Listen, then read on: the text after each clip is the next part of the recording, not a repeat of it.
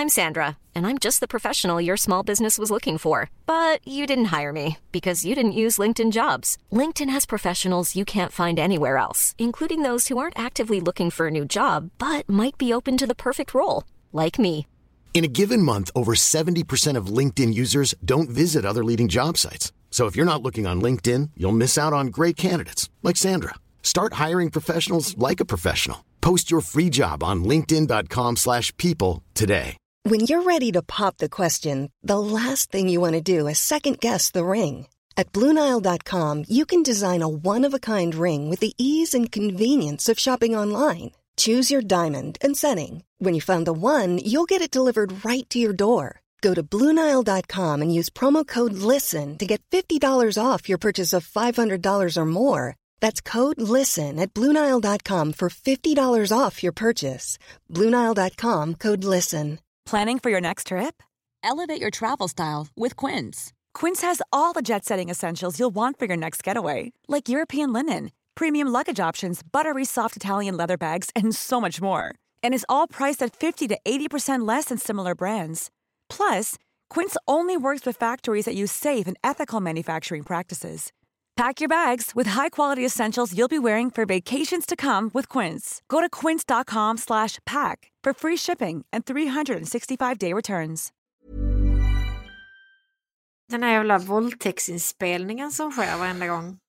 Oj, någon- jag sa ju till innan. Ja, nu fick vi faktiskt en, en eh, sekunds förvarning. Annars brukar det vara att man märker det tre minuter in i inspelningen att de börjat Mm. spela in. Ja, Mm. Kul. Men det är väl lika bra. Alltså, det är bara att klippa. Jag vet inte. Ja men vad bra. Hur ska vi nu få det här, den här starten att låta trevlig och organisk? Varför måste den låta trevlig och Nej, jag organisk? vet inte. Hur vill du börja då? Kolla, nu är det så här. O- otrevligt och oorganiskt. vi, eh, vi kan ska inte vi... Du har, har pratat om någon typ av livepodd, Henrik. Ja, det har jag. Ja. Men innan så ska jag göra en riktigt kort Alltså, varför grej. är du en En sån riktigt, riktigt kort grej. Lyssna på det här. vidrig? Ni, ni vet ju att eh, Ebba Busch Thor har ju... Hon heter inte Tor längre. Nej, Ebba Busch har på att bråka om någon jävla hus. Hur länge som helst. Mm. Lyckas bli dömd för förtal. Allt Ja. är hemskt. Och nu har de helt plötsligt kommit med en överenskommelse. har, ni, har ni hört vad överenskommelsen är? Det är väl att hon tar huset och han får vara där ibland. Den långdragna hustvist mellan Kristdemokraternas partiledare Ebba Busch och en 82-årig man har avslutats efter att parterna har träffat en överenskommelse. Enligt överenskommelsen får Ebba Busch större rätt i fastigheten, men 82-åringen får en viss rätt att vistas i fastigheten vid vissa tillfällen, något som varit viktigt för mannen enligt hans advokat Per Hansberg. Ska han bara springa runt där? Men alltså medellivslängden för män i Sverige är 82 år. Ja, jo men ändå. Han är död när som helst. Ja men om han överlever en sommar till, ska hon bara sitta där, springa runt en 82-årig gubbe i trädgården? Jo, men det är ju hennes... Alltså hon, vad är hon? Typ 35? Om ens det. Hon har ju hela livet framför sig och hålla på och bete sig i det där jävla huset. Det är ju bara att vänta ut att den där gubbjäveln dör. Jag tycker fortfarande det är superkonstigt. Är det. Va? Alltså det konstiga var ju, det konstiga var ju hela den här storyn.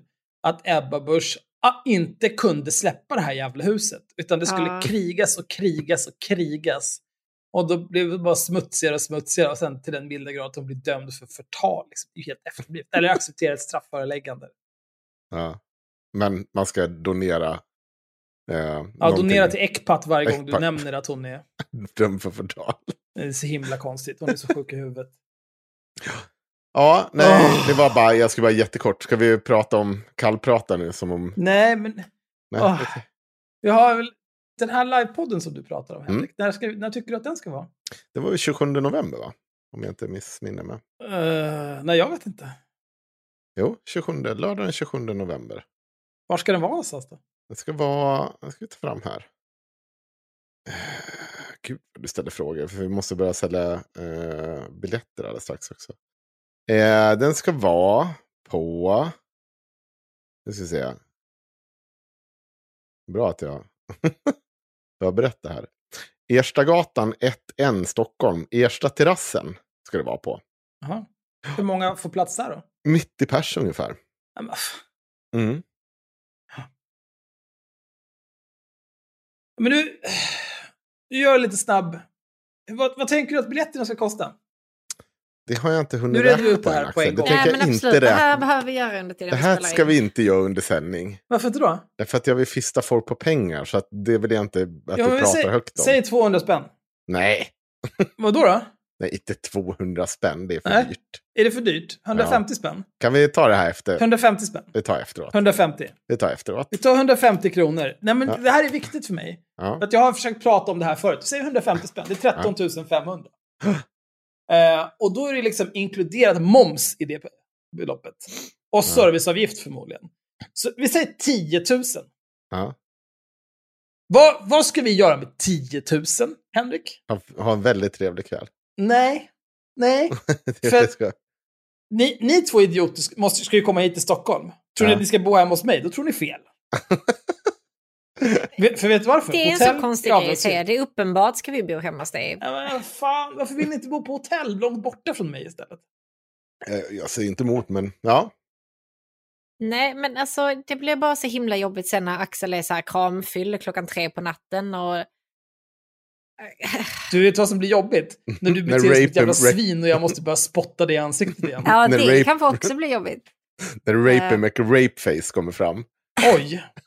Men han blir inte, han blir inte så. Han blir bara så åh, vill hålla handen liksom. Det är Rape McRapeface. Nej, det är det inte. Ni har, ni har aldrig... Eh, Trött McTröttmössa. ja, Nej, men min poäng är här. eh, det, det jag menar med det här, alltså. Jag kommer inte ihåg hur många det var på bonden som gick in när vi skulle försöka göra det här förra gången. Men det var fler än 90. De biljetterna tog slut på fem timmar. Mm. Det är allt jag har att säga om det här. Där de var hundra pers. Det var 100. Och det tog slut på fem timmar. ja, Så då, nu ska vi ha en lokal som det går in 90 pers.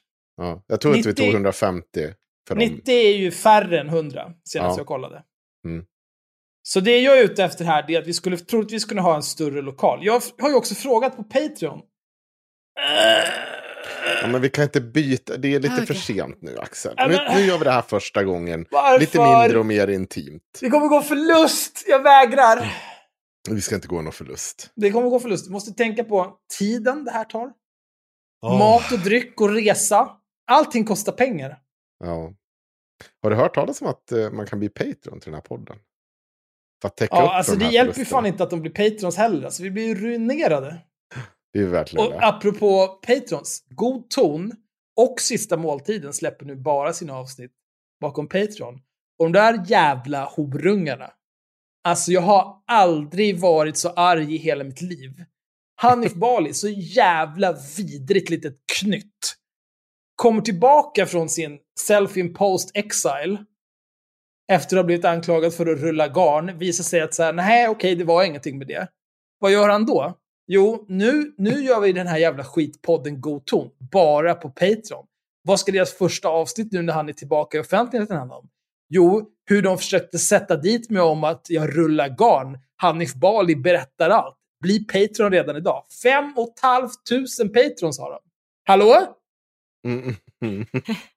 Nej, jag tar livet av mig. Och sista måltiden, samma sak. Åh! Ja, det, det är ett hårt liv. Men eh, Fan, vi ska fem göra det här. nu. talanglösa jävla idioter sitter och babblar en massa skit de inte har en aning om. Stövelslickare och apjävlar.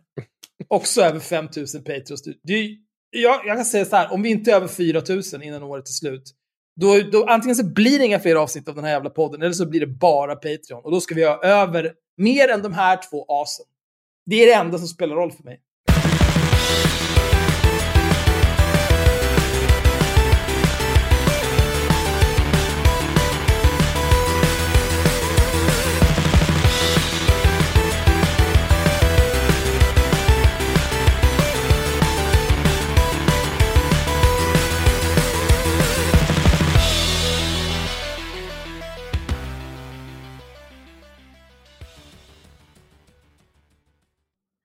Ja, vad kul och hej och välkommen till den här podden där vi bedriver all planering inför öppen ridå och sitter och gnäller över alla andra poddar som inte tjänar lika mycket pengar som. Men, Ja, nej, men det här var en bra start. Nej, men det är ju liksom Eh, ingen mycket jävla rysk än, eh, Sovjet det här. Det här är ett företag. Vi måste dra in deg. Mm. Vi kan inte bara ha den här Ah! Jag är ruinerat. Åh gud. Jaha, Henrik, vad har du gjort i veckan?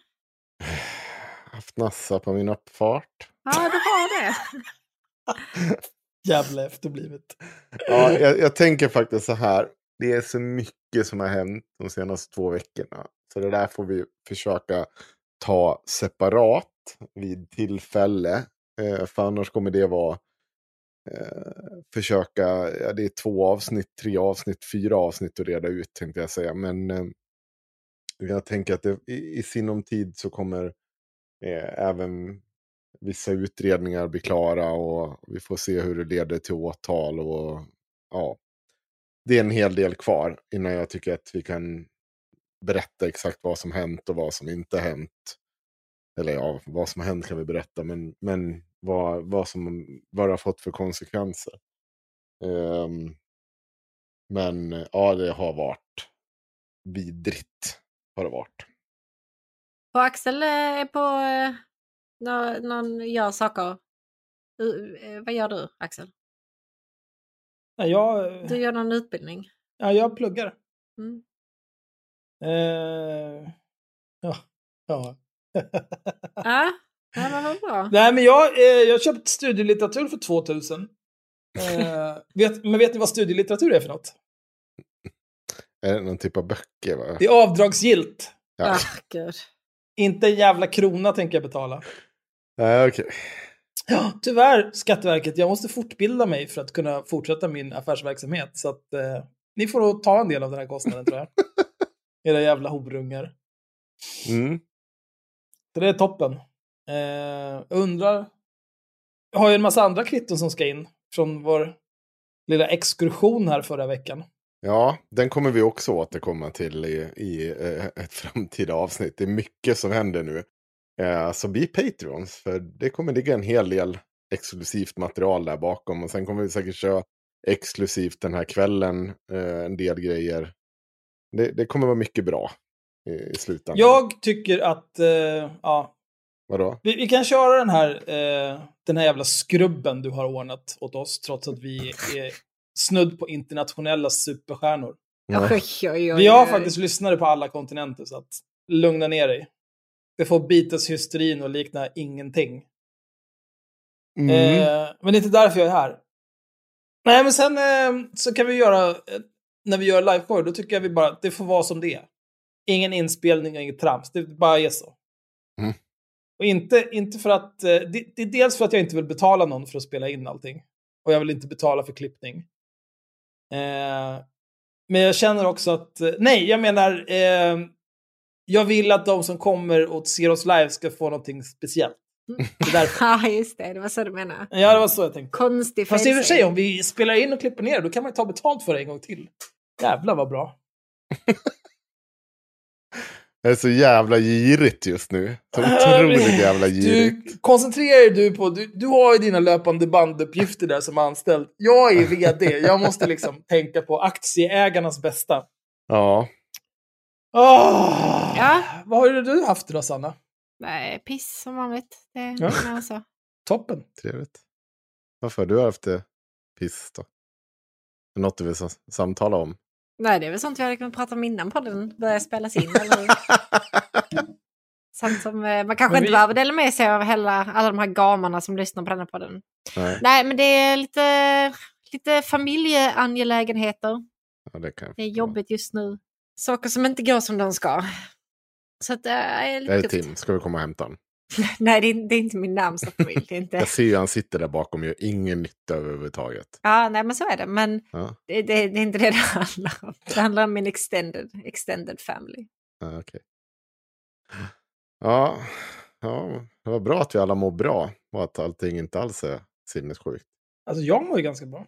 Ska vi göra så att vi alla mår dåligt då börja ta upp någonting? Eh, Jag, Ja. kan ta upp, jag kan börja. Jaha, okej. Så kan ni sitta och jag inte, samla energi eller något.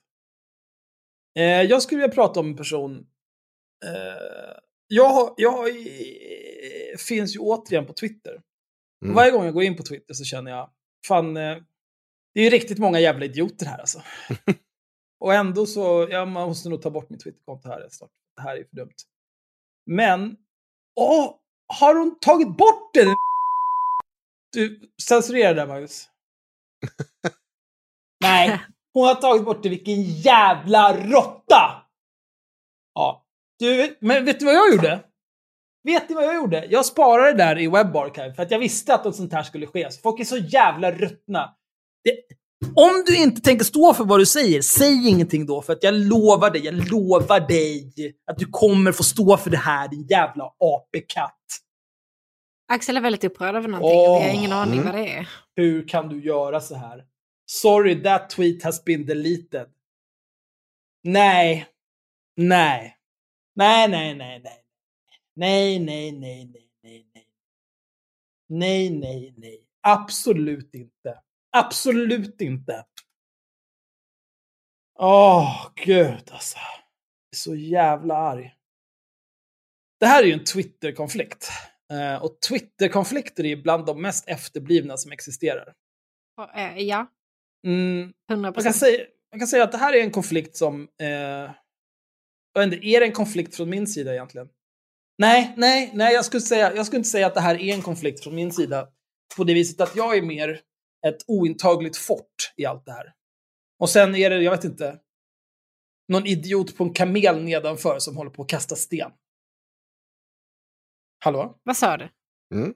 Jag, jag bara tittar här och ser att en av er håller på med mobilen, den andra stirrar bara bort i intet. Och så känner jag, det är tur för er att ni är i Avesta och Trelleborg, för att annars hade ni fått varsin hurrill. Ja, Fy fan. Nu tänker jag göra så här, jag tänker prata med lyssnarna istället, eftersom Mm. de lyssnar ju. Ni två, ni kan knulla er själva. Mm.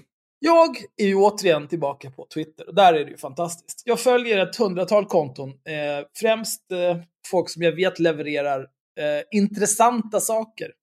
Intressanta observationer som är liksom verklighetsförankrade.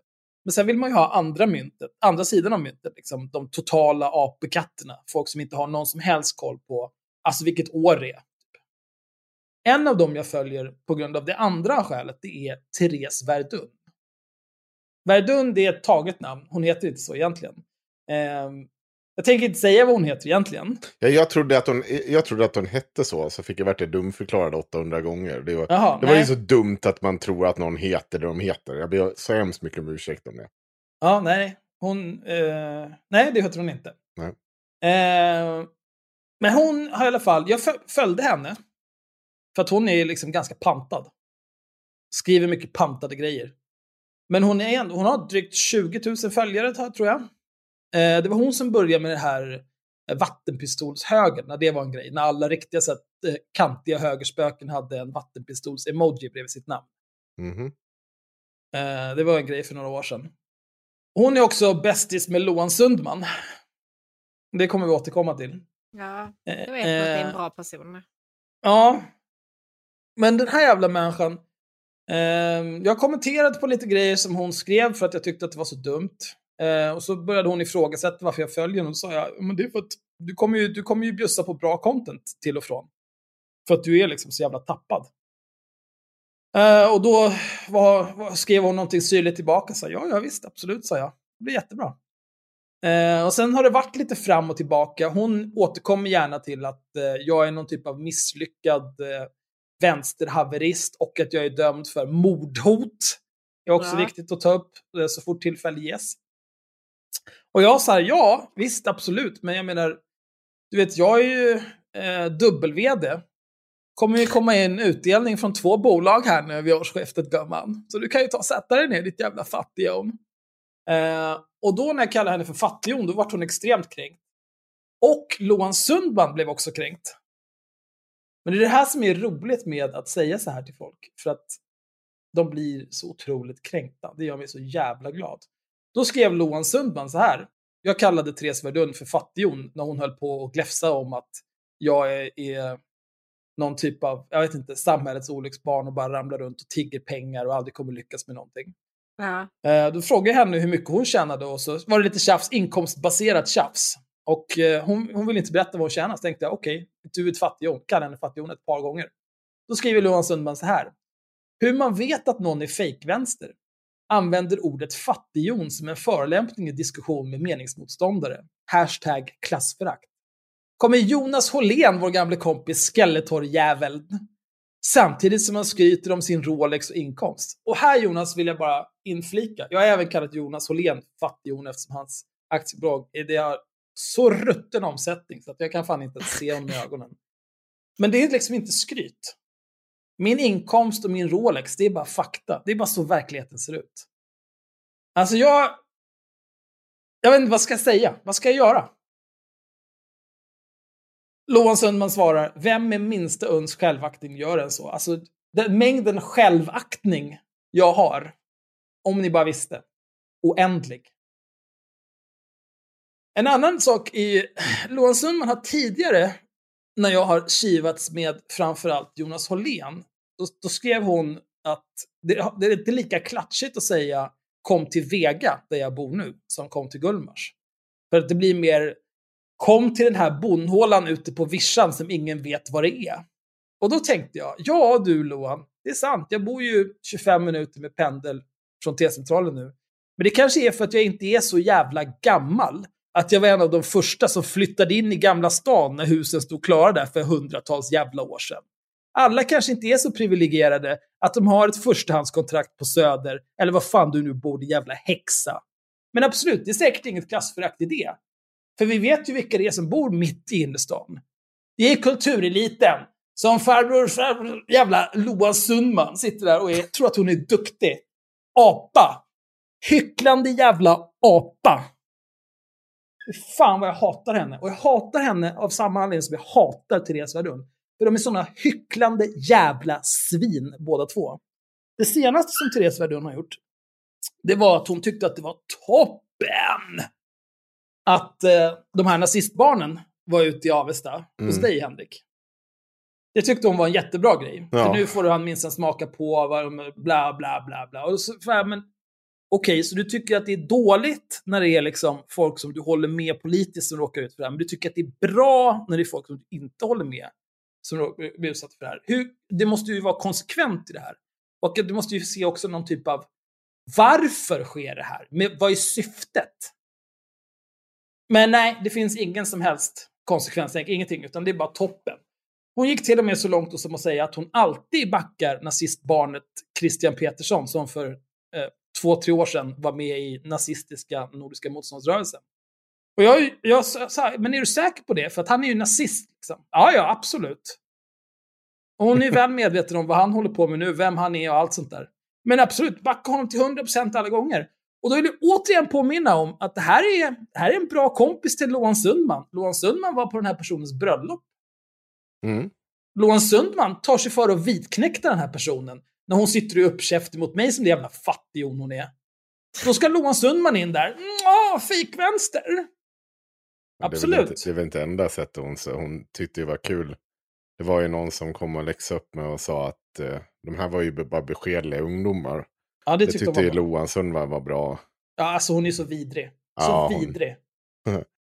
och när de satt och swishade mig för, eh, när Jonas Åhlén och de satt och swishade mig en krona för att håna mig när, efter hembesöket så var Loan in där också och skrev och tyckte det var så väldigt roligt. Så. Ja, jag vet inte. Jag, sist jag kollade så har Loan skyddade uppgifter för att hon är orolig för hembesök av, av nassar. Men jag vet inte. Ja, det här ner. är också man kan ju säga så här, det finns väl säkert en anledning till att Therese Verdun inte använder sitt fulla namn på Twitter. Hon kanske inte heller vill att de ska komma hem till henne. Men det är en kul grej. För jag skrev, jag skrev lite om det där, om att de är hycklande idioter och apor. Och så postade jag det på vår Discord. Och då var det en person där som tydligen kände till vad Therese Verdun egentligen heter. Och så postade han eh, Eh, från någon, jag vet inte, någon typ av så deklarationskalender och sån där skit. Jag vet inte var det kommer ifrån, men det står i alla fall fullt namn, adress och inkomst. Och så skrev mm. han, så här mycket tjänar hon. För att allting handlade om att hon var ett fattighjon. Det jag gissar har hänt är att eh, den här tjackligan som hela tiden slangar screenshots från vår Discord till Twitter och Flashback de umgås ju också flitigt med Loan Sundman. Jag gissar att de har sagt till Loan Sundman att det där skedde. Loan Sundman har sagt det vidare till Therese Verdun som skriver följande tweet igår 12.54. Fick höra ryktesvägen att du har tagit reda på min adress, parentes, oj vad hemlig, slutparentes, och ska komma hem till mig, Axel Luo Öhman. Kan du precisera lite när du kommer, för jag är ibland inte hemma på dagarna när vänsteraktivister rör på sig. Och dricker du kaffe eller te? Och så taggar hon kontot som jag använder, att bli Patreon idag. Och sen är det en massa smarta människor som replikerar här. Rigga en fälla så kan du ha honom i källaren och känna dig som en fritzel. Yes, det är exakt vad man du? vill. Eh, bunkerman. En gnällandes. Axelbo i källaren. Nu har man ju tagit liv av sig. Ja, alltså du. Fan vad jag skulle vara arg. Vilket kräk. Han är välkommen till södern på ett riktigt högerkalas han aldrig glömmer. Pajas. Okej. Tommy Bengtsson. Mitt Stockholms, besök, mitt Stockholms besök. För det är klart att han inte kan stava. Kan komma väldigt plötsligt, bara säg till. Mm. Peter Persson. Men vad i helvete? Bor långt ifrån, men hör av dig om jag kan göra något. Eh, Björn Engström, ett annat svar du kan använda är kanske välkommen. Vi hemma alla tre. Smith, Wesson och jag. Alltså de är töntigt. obeskrivliga jävla töntar. Ja, och sen så håller det på så här ett tag. Eh, och så såg jag att hon hade skrivit det här sjuka, då svarade jag så här, nej, det, det har jag inga som helst planer på att göra och jag är helt ointresserad av var, du bor och vad, vad du heter, jag skiter fullständigt i det. Och sen så skrev jag PM till henne. För att jag tänkte så här, jag har ju fortfarande, eh, jag tänkte att jag skulle förklara varför hon säkert tror det här. Så då skrev jag så här i PM till henne. Antar att du föredrar att jag inte häller ut ditt namn och din adress på internet, så jag skriver här istället. Eh, och sen så screenshotade jag det som den här personen skrev. Här är Therese Verduns inkomstuppgifter. Hon heter egentligen bla bla bla. Och sen så är det screenshot på hennes namn, adress och årsinkomst. Och så skrev jag, någon postade där på vår Discord igår när jag pratade om att du är ett fattighjon och att Loan är en jävla apa. Jag skiter fullständigt i vart du bor och till skillnad från fascistslöddret du slickar i röven har jag inga som helst planer på att åka hem till dig eller någon annan. Hon svarar, någon, inom citationstecken. Som att liksom, jag ska hålla koll på 1800 människor som är på vår Discord. Och som att om jag visste vem det var skulle googla till den där jävla fascistkollaboratören. Aldrig! Ja, någon. Vi har 1800 idioter där, jag vet inte vilka alla är. Men även om jag visste det skulle jag knappast berätta det för dig. Hur ska du, du, hur ska du reda ut att du påstått att jag ska göra hembesök hos dig nu då? Du fattar att det är du som framstår som en komplett idiot här va? Hon svarar. Jag skrev att jag hade hört det ryktesvis, din jävla fåntratt. Hur ska du motbevisa det? Mot, motbevisa vad? Att du har ljugit ihop någonting om mig, din pantade jävla apa. Vilken idiot alltså. Jag svarar, jag är inte särskilt brydd vad du och Loan skvallrar om. Däremot bryr jag mig om att du sitter och påstår dels att jag är någon slags vänsteraktivist och att jag tar reda på folks adresser i syfte att göra hem, hembesök. Jag vet inte vad du tycker om sånt. När det är nazister som gör det är det bra, när det är någon annan som gör det är det dåligt. Eller hur är det? Hon svarar, jag förordar inte hembesök. Däremot är ju din såta poddkompis Henrik efterbliven vad det verkar och vad som inträffar med honom struntar jag fullständigt i. Han har krattat den där manegen så oerhört bra så att han tycker synd om sig själv och sin gråtande sambo i enbart stor humor. Snyft. Varför håller du dig med sånt umgänge ens? Och jag svarar henne. Vad du tycker om Henrik är jag helt likgiltig till. Men du menar alltså att du inte ser några problem i att anklaga mig för att ha letat upp en hemadress i syfte att göra hembesök hos den personen, samtidigt som du påstår att jag är någon slags vänsteraktivist, implicit att det är någon slags AFA-hembesök som åsyftas. Och den här dumma jävla subban svarar, hur ska jag veta vad du är kapabel till? Sitter och tjatar om att jag är ett fattighjon. Ja, du är ett fattighjon. Konferera med folk som efterforskar min adress och inkomst, plus att du är dömd för mordhot. Ser ju fint ut. Ha ha ha, svarar jag. Hon svarar tihi. Och så svarar jag absolut gumman, vi säger så. Och hon skriver, är du inte det då? För att hon vill skifta in claim det på att jag är dömd för olaga hot. Whatever. Bye Felicia, jag slutade svara. Eh, men nu har hon raderat den där tweeten, jag vet inte riktigt varför. Men jag kan säga det Therese, för du kommer ju lyssna på det här. Jag vet ju att du tror säkert att du är hot shit med dina 20 000 följare på Twitter, men jag skulle tippa att de 10 till 12 000 personer som lyssnar på de här avsnitten ja, lägger lite mer engagemang än de som har, liksom jag, har åkt trycka follow på dig på Twitter. Så jag skulle rekommendera dig att stänga käften med de här jävla drygheterna. För jag kan jättegärna prata om det i varenda jävla avsnitt från och med nu. Din jävla idiot. Dra åt helvete. Måste jag ha någonting att prata om också? Ja, det är inget svårt. Okej. Jag kan prata om att hon är fattig. ja. Ni borde kanske skaffa barn tillsammans. Nej, Hon har redan tre barn. Plus att hon är är säkert nog... löst det här kärleksspråket som ni verkar ha med varandra. Nej, oj. Hon... Nej, nej, nej. Nu, nu, nu känner jag att nu blir allt konstigt. Jag tar avstånd från Sandas otroligt sjuka påståenden här. Ja. Ja, jag kan, jag kan, det, det, Säger han och fnissar. Åh, Okej. det, är så här, det är sånt jävla tjat om så här kratta manegen och så här. Åh. Dumma Nej, men krattamanegen, det här är ju också... Det här, jag tror att det här är för att hon har pratat med Loan och Loan har pratat om tjackpundare från Tranås. Ja, ja, nej, jag tror att det handlar om att det är sa- samma som att de har hittat den här tweeten när... Eh, Med Trolljägarna. Trolljägarna från 2014. Det hade ju varit bra att veta om det var jag som ens twittrade där. Det, det är stor sannolikhet eh, eftersom det är, eh, var i huvudsak jag som drev det kontot. Det kändes som en väldigt Henrik-grej att skriva det där. Säkert. Eh, och, Men det, fanns ju, det finns ju viss skillnad i det där och hur Trolljägarna gjorde sina program. Ja, det, det, det finns ju en stor skillnad. Det finns ju ett då. Det är inte några NMR-aktivister eller liksom AFS-are som åker hem och så påstår att de är journalister helt plötsligt. Eh, det andra är ju att ett par veckor tidigare så gjorde de en insamling för att ja, den här mannen som vi har varit inne och krafsat på som skulle hem och göra ett hembesök hos mig. Det försökte de sponsra och nu gör de det igen. Alltså Det är också, de det skrev ganska- ju, han samlade ju in pengar till resa, uppehälle dit och eventuella eventuella skadestånd. Ja. Ja. Och det hjälpte de här nazistsvinen till att samla in pengar till och det har de gjort än idag. Mm. Och då vill jag återigen upprepa. Therese Verdun tycker att de här, det här fascistslöddret är toppen. Loan Sundman tycker att den här jävla tjackpundaren från Tranås är toppen. Loan Sundman tycker att Therese Verdun, fascistkollaboratören, är toppen. Ett riktigt jävla anusgäng allihopa. De enda man inte riktigt kan tycka illa om här egentligen är ju nazistbarnen eftersom de bara är barn. Ja, de är väl 20 någonting. Plus. Nej, Christian fyller 20 i mars nästa år. Aha, Det påminner mig om att man kan fortfarande polisanmäla Gustav Kasselstrand som skickade en flaska champagne till honom. För det är faktiskt langning och det är olagligt i Sverige.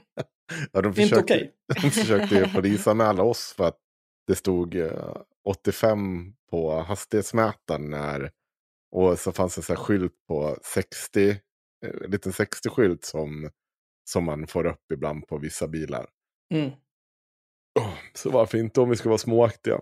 Jo, nej, men lycka till med den anmälan. Men, men som sagt, vi, vi kommer gå in på det där närmare i ett senare avsnitt. Säkert den här månaden redan. Men Ehm, det är också, med Trolljägarna, där är det ju, en, en annan stor skillnad är ju också, förutom att det var riktiga journalister som Mm. hade gjort någon typ av riktigt journalistiskt arbete med att hitta personerna och sen åka hem till dem och ställa dem till svars för olika saker, så var det ju också att de maskade ju identitet på alla de var hemma hos. Och det var ju inte som att de åkte hem till folk som de hade eh, privata eller politiska meningsskiljaktigheter med, utan det var ju till exempel folk som försökte rulla garn på internet.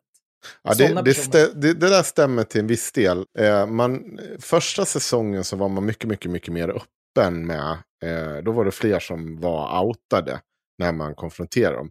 Sen fick det en, det vart en efterföljande diskussion om man skulle göra så. Och eh, det, jag tycker att det där beror ju väldigt, väldigt mycket på vad det är för typ av person. Eh, om, jag menar, en del människor kan ju vara mm, liksom en del av olika rörelser som inte har tydliga ledare. Utan alltså att tidigt under, eh, liksom, när vit maktrörelsen växte sig fram i Sverige så valde man ju då från media att outa de här personerna. Det, det var en liksom så här, eh, för att man ansåg att det var en rörelse som var på väg liksom att försöka om, liksom dana Sverige och liksom sänka vår demokrati och så vidare. Och det där kan man ju välja lite olika ingångar till, till olika typer av folk som sitter på nätet. Vissa är ju liksom allvarliga, sitter och säger så att nu ska vi bygga bomber och spränga skiten ur folk. Och det, jag kan tycka att det finns en ah, jävla stor poäng att ha koll på dem och vad det är för typer. Sen kan det finnas en lika stor poäng att inte outa eh, eh, någon gammal tant som inte har några politiska uppdrag. Eller eh, en 20-årig tjej som inte har några politiska uppdrag som bara sitter och svär på internet. Eh, det kan man ha verkligen en pressetisk diskussion kring. Ja, Men, Men de, det- den typen av personer ska man väl inte leta upp överhuvudtaget. Det är, Jo, Det men det, ska man, det kan man visst. Det, det, är, det är inte det är en sak. För det gjorde man ju sen också. Man valde ju bara att inte outa dem senare. Man valde också att ta, inta ett bredare perspektiv och så vidare. Det är inget konstigt i det och jag sa det. eh, Men, men jag, jag tänker att det där vill jag återkomma till i det avsnittet vi gör det här. Eh, Men, men, temaavsnittet, anonyma Ja. horungar. Ja, men vi, vi kommer dit. Vi kommer dit i sinom tid. Men jag kan tänka på, på tal om Trolljägarna så ty, vill jag då flika in med en ganska rolig tweet som heter Caroline, Caroline Dahlman, eh, känd från den här Nej. podden tidigare. Vi pratat om henne, eh, men hon är också känd såklart på egna ben. För hon lämnade, vad fan var det, Kristianstads tidning? Kristianstad, ja. Kristianstad. Kristianstad. det- För med mindre. Jag vet inte, hon, någon typ Skånetidning var hon någon typ av eh, ja, politisk redaktör för. Och så lämnar hon den och säger att "Eh, får gå, gå till en tidning man får prata om invandring. För det ju du som bestämde vad du skulle prata om. Dumfan. Du kan inte sitta och gnälla. Och nu är hon ju såklart på Bulletin, detta ständigt sjunkande skepp som är som Titanic i slow motion. Eh, Nej, fast men, utan eh, passagerare. Vi pratade ju med nya, Nya chefredaktören. Ja. nya chefredaktören ja, och det verkar ju båda väldigt gott för Bulletin enligt Mm, de är- så att, De två stora cheferna kan inte enas om de ska gå genomgå en restriktion. ja, men det verkar vara mindre viktigt när man Helt är på plötsligt- fest och är lite taggad bara. Och Ja, helt ja till plötsligt de här en okänd idiotiska- person från Åland blir vd. Men han hade Ja. ju vunnit på Toto. Va? Toto. Hästar. Jaha, ja, okej. Spela på Toto. Men fan är det, vad heter den där jävla... De där jävla dockorna. Ja, det är en helt misslyckad eh, mansdocka och hans morsa. Åh, gud. Den sista frisyren. De kommer och utmäter allt han äger. Gud, vad fan heter det? Åh, jag får en stroke. Jag har ingen aning. Åh, Åh, gud. Ja, i alla fall morsan där tycker om att spela på hästar. Toto tycker om att spela på hästar. Tycker jag är kul. Det är skitbra. Ja, men det känner jag igen från någonstans. Eh, Nej, alltså, allting du sa precis är väldigt främmande för mig. Ja, Ja. ja. så kan det vara. Ja, i alla fall, Caroline Dahlman, ehm, hon, eh, när Lars Vilks stod, för att jag tänker att vi ska kliva över på Lars Vilks, eh, så, um, och det här lite återkommande, men, men hon skrev så här, eh, jag hoppas att trolljägarna ger sig på alla de som skrattat åt och hyllat att Vilks är död. Och då svarar en person, eh, Jonas här, kommer aldrig hända, det är ju Sverige och svenska journalister vi pratar om här, Caroline Dahlman. Jag skulle inte dra alla svenska journalister över en kam dock. Tack. Ja, ja det är fint av det. jag, jag tänkte då att, hur är du Caroline? Jobbar inte du på en tidning? Som skulle kunna tänka sig att göra lite grävande reportage på folk som hyllar Lars Vilkstöd. Kanske göra någon typ av avkrävande intervju. Ringa upp och fråga frågor. Allt enligt de pressetiska reglerna. Men eller är det bara eh, alla andra som ska göra någonting? Du, du som jobbar på en tidning och får, ja gud vet hur mycket pengar, du ska ju inte lyfta på arslet och göra någonting. Nej, ja, jag förstår det. Det är tufft. Det är de där andra journalisterna hela tiden. Ständigt dessa andra jävla journalister. Men eh, jag tänkte gå in lite på eh, Lars Vilks och eh, jag ska gå in på någonting som jag tyckte var väldigt, alltså, väldigt märkligt. Men Blir det, blir det foliehattigt? nej, inte Nej. foliehattigt. Det har jag sett. Jag har sett de här jävla eh, foliehattsgrejerna. Som om att det är någon typ av muslimer som har sprängt bildäcket. Och, mm, ja. Men jag tänkte börja någonstans för någon, någon, någon som jag tyckte gjorde, sa det här väldigt, väldigt bra om Lars Vilks. Och som sammanfattar eh, åtminstone en del. Eh, jag är ju inte... Alltså, vi har ju pratat om det. Jag tror att vi pratade om Lars Vilks redan i avsnittet om eh, med Makode Linde. Kommer du ihåg det Axel? Mm. Det är fan way back in time det. Avsnitt sju. Ja, vi pratade också Oj. om, ja, om eh, eh, Dam Park och så vidare. Eh, Mm.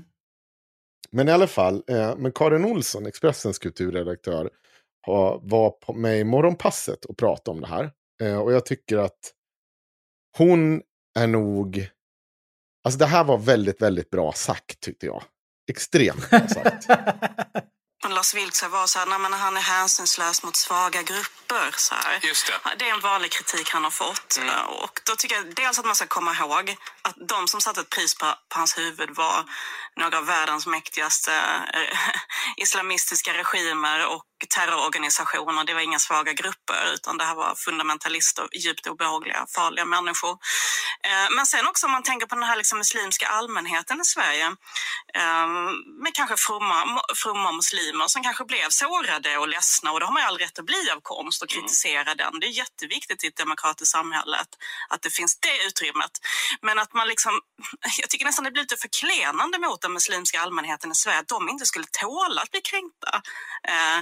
Menar, vi, vi förväntar oss av alla andra grupper i samhället att man ska liksom tåla att vara en del av ett öppet, fritt samhälle. Och då ingår det att man kan möta uttryck som, som man känner sig kränkt av eller som man inte tycker om. Mm. Vad säger ni? Ja, Jag vet inte riktigt vad jag ska tycka. Eh, ja, det, visst det kan man väl säga. Mm, Men- Tycker ni det är fel? Nej, eh, men det, det är ju inte så. Nej, okej, vadå då? Eh, Nej, man kan ju tycka att det är förklenande att de inte tål det, men bevisligen så gör de ju inte det. Vad, är det, vad ska jag säga? Det är inte mitt fel. Ja, jag vet fast inte. Ja. Det är ju det är, det är, det är långt ifrån en sanning. För det tål ju, alltså så här, majoriteten av den muslimska befolkningen tål ju det. Uppenbarligen. Ja, de vill ju inte mörda honom. Bred majoritet vill ju inte, bryr sig inte. Alltså det beror ju på vad man menar med tål det. Ja.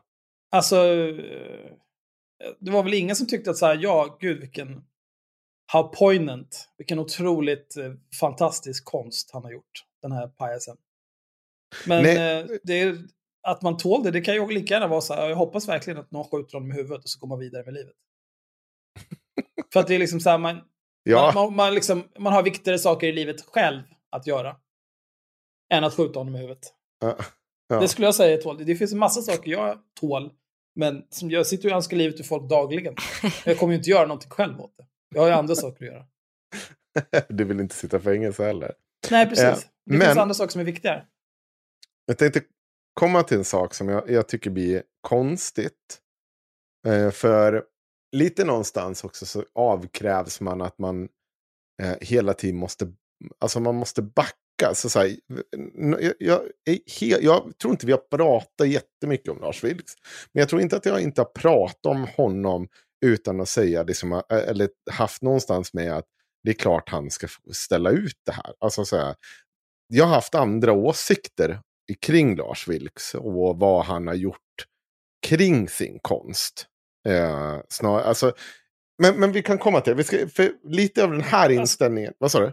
När vi har pratat om Lars Vilks så Ja. har vi ju sagt att Ofta så har ju kontentan varit så här, åh gud vilken otrolig jävla pajas som gör den här pajasskiten.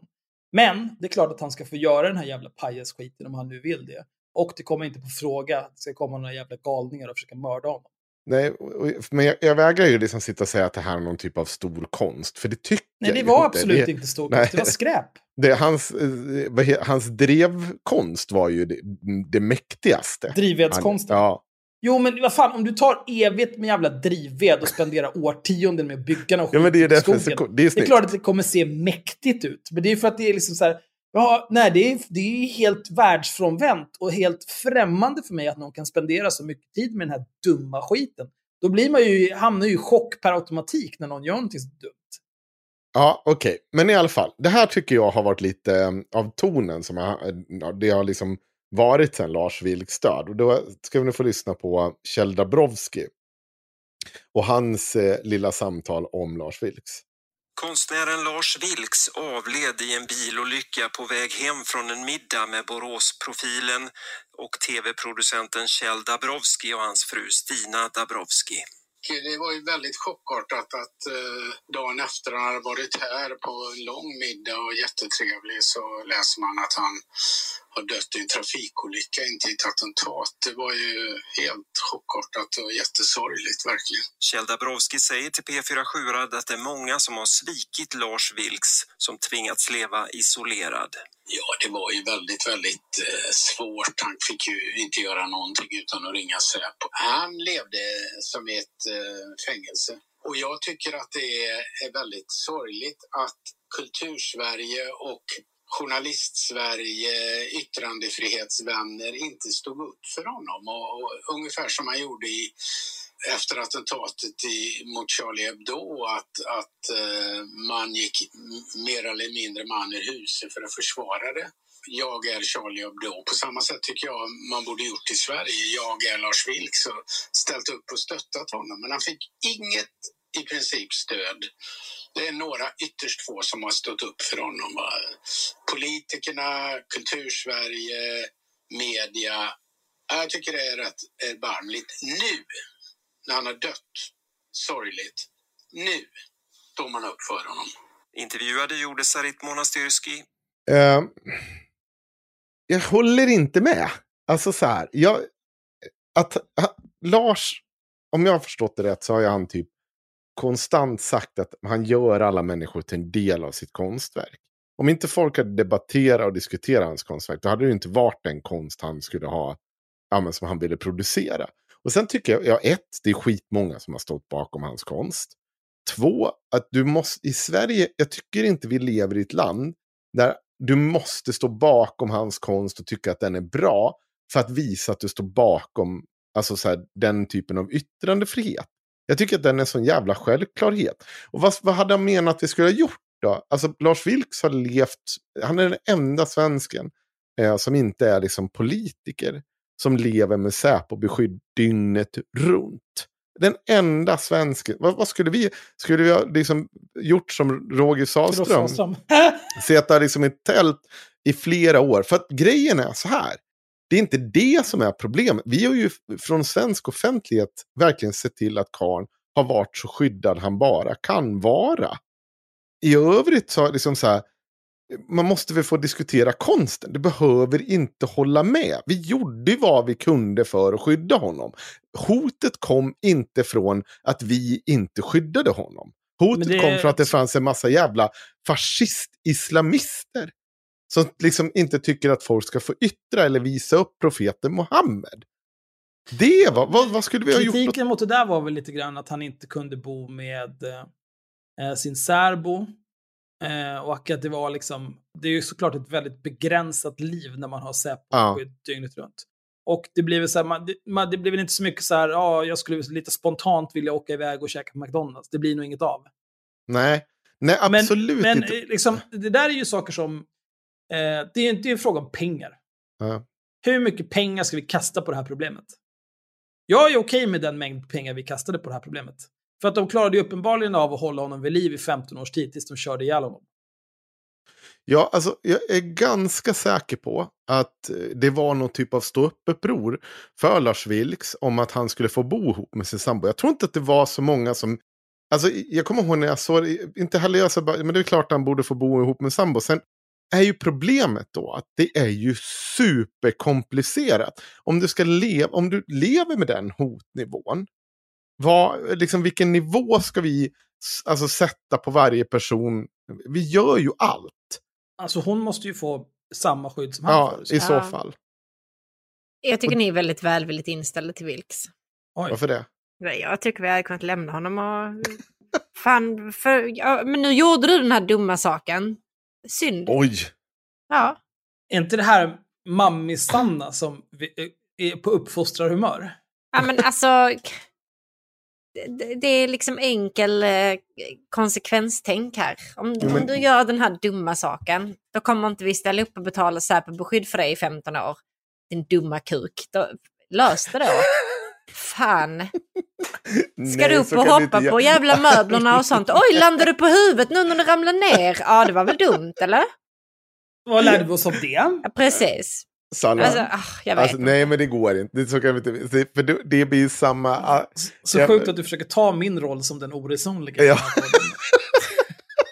Nej, jag vet inte, men jag förstår, jag förstår inte det här jävla baby, Ja, tänk- babyandet med Vilks. Det var väl en vuxen man, eller? Jo, Jo, men, men, det, men, är inte, det är inte för hans skull. Eh, alltså fuck honom, jag kunde inte bry mig mindre. Det handlar om vilket slags samhälle Ja, men sen har. han mag och kommer där och bara, "Eh, men jag får inte leva och bo med min sambo. Nej, för att du var en idiot. Nej, men det, det är jag, jag, har inga, jag har egentligen inga... Det hade väl varit trevligt om han hade fått bo med sin särbo. Liksom. Jag har inga starka känslor kring det.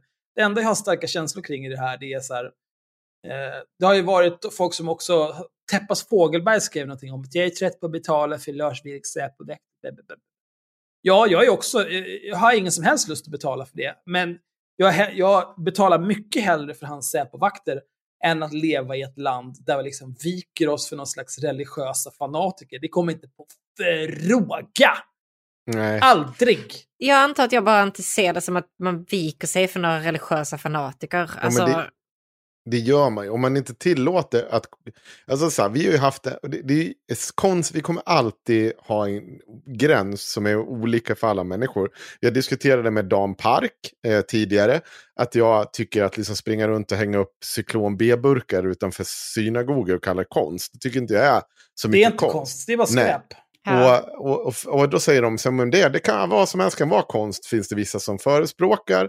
Och då tycker jag åtminstone att man måste titta på kontexten. Och det jag har kritiserat Lars Vilks för, det är i huvudsak att han har sprungit hos liksom sådana här counter jihad-rörelser och liksom be betett sig som att ingenting i att han är där är, något så här, är någonting annat än konst. Och det tycker jag är så här, det är den fega jävla utvägen. Jag tror att du vill stå där och prata. Jag tror att du vill ha uppmärksamhet. Jag Han vill att ha publik. Ja, jag tror, att, och du, jag tror att du vill ha stödet så långt det går. Och då, det, den delen får du ta ansvar för. Liksom, för då helt plötsligt blir din konst inte bara, då är du en del i att ehm, ja, men liksom sprida rasism och eh, liksom legitimerar rasism. Tillsammans med när Dan Park springer runt liksom och gnäller över att eh, värdegrunder och skit och att konsten ska vara fri samtidigt som han springer och hänger med nassar som vill liksom gravt inskränka i konsten. Det är helt sinnessjukt, det är saker som inte går ihop. Eh, och, och det gäller ju såklart Vilks också, att du springer med Counter Jihad-rörelsen, som, samma rörelsen som förmodligen fick frispel när Elisabeth, eh, vad heter hon, Wallin, någonting, gjorde den här grejen om ekohomo. Mm. Eh, alltså så här, du Ja, får det där liksom är ju också... Det är ganska får nice historierevolutionism som försiggår nu. Ja, massor med nassar som låtsas som att... Eh, nassar och andra fascistkollaboratörer som låtsas så här, ja, när Ecce Homo kom, då var det ingen som brydde sig för att vi kristna europeer med det kulturarvet, vi är så otroligt toleranta. Mm. Absolut. Det var nej. inte alls folk som höll på att tappa förståndet till höger och vänster. Så, så var det definitivt. Och det var ju liksom, det, det finns en jättebra Peter-dokumentär om det om man vill. Men, men jag håller med Axel att i slutändan så måste vi ha möjligheten att skydda människor som jobbar med konst med, inom liksom det offentliga. Eh, för, för att i slutändan så skulle det liksom så här, ja men det är precis som det springer nassar här utanför. Nu gjorde ju inte polisen ett jävla skit ändå åt det, så att vad, vad ska jag sitta här? Men, men alltså, det, det vore ju trevligt när det verkligen hettar till att vi har ett samhälle som vågar stå bakom den där principen. Sen tycker jag att det bara är sinnessjukt att vi hela tiden avkrävs att vi måste tycka si och så. Jag tycker att konsten var det enda han gjorde som jag vet om som var främt, det var det där Nemis, eller ne- som det heter. Och sen i övrigt den där rondellhunden, jag tittar på den där och man bara, är det är kludd. Vad ska jag göra med det här? Ja, det är Fan, skräp. Leila gör bättre liksom, ritningar än det här. Det, du är säkert, han är säkert jätteduktig på att rita han också, jag vet inte. Vad fan det var, jag har inte insatt, jag har inte sett något som intresserar mig direkt. Förutom den jävla träkojan som bara vill gå och leka i. Alternativt tända eld på bara för att se det brinna. Men det är, det är bara någon annan pojkdröm. Jag får åka till Gävle. Nej, men det, är Ja, men det, det där är ju... Jag, jag tycker det är lite grann samma sak som när liksom eh, Vitryssland simulerar bombattacker mot Stockholm. Det är så här, man vet liksom att det här är bara skit, vi borde inte bry oss här. Men vi måste representera, så då är det två Belarus. jag som ska upp i luften. Och så jaga bort den där skiten och visa att ja, vi ser er era dumma horungar. Försvinn härifrån nu. Och det är samma sak med- Vitryssland. Ja, men vit, det var för några år sedan så här, Vitryssland höll- skickade upp, det var ju så- också, det är nästan i princip samma sak. De skickade upp två jävla bombplan från 60-talet, gjorda av drivved förmodligen. Men eh, ska ju bomba Stockholm. De hade ju alltså, ja, jag vet inte vad jag ska säga. Och sen var det, nå- var det någon eh, reklamfirma som bombade deras huvudstad med nallebjörnar. Och någon blev gripen. Jag ska se om jag kan hitta artiklarna och lägga dem i avsnittsbeskrivningen. Mm. Det Ja, nej, jag, jag kan ingenting om konst eh, alls. Men eh, Vilks var ju jävligt töntig. Ja. Jävligt töntig. Vad fan. Vad är vi på för jävla humör idag? Nej, jag vet inte. Nej, men åh, nej, jag, jag fattar er poäng. Jag bara... Ja, nu Ja, dog nej. han och jag känner ingenting om det. Jag känner Nej. ingenting. Jag känner, jag känner ingenting. Han dog och det är bara... Det var, det var en vanlig dag för mig. N- nej, och det kommer vi till steg... Ja, ja det är hemskt. Jag, är- jag är faktiskt böjd att hålla med. Det där är... Alltså döden, döden är ju ett ämne vi skulle kunna prata om eh, överlag. Eh, men, eh, och sen närhetsprincipen och sånt där. Men, men någonting som jag kan tycka är lite äckligt, det är alla som så här, när, när, när Lars Vilks dog nu till exempel, så många människor som inte har någon som helst koppling till honom annat än att de är fascister.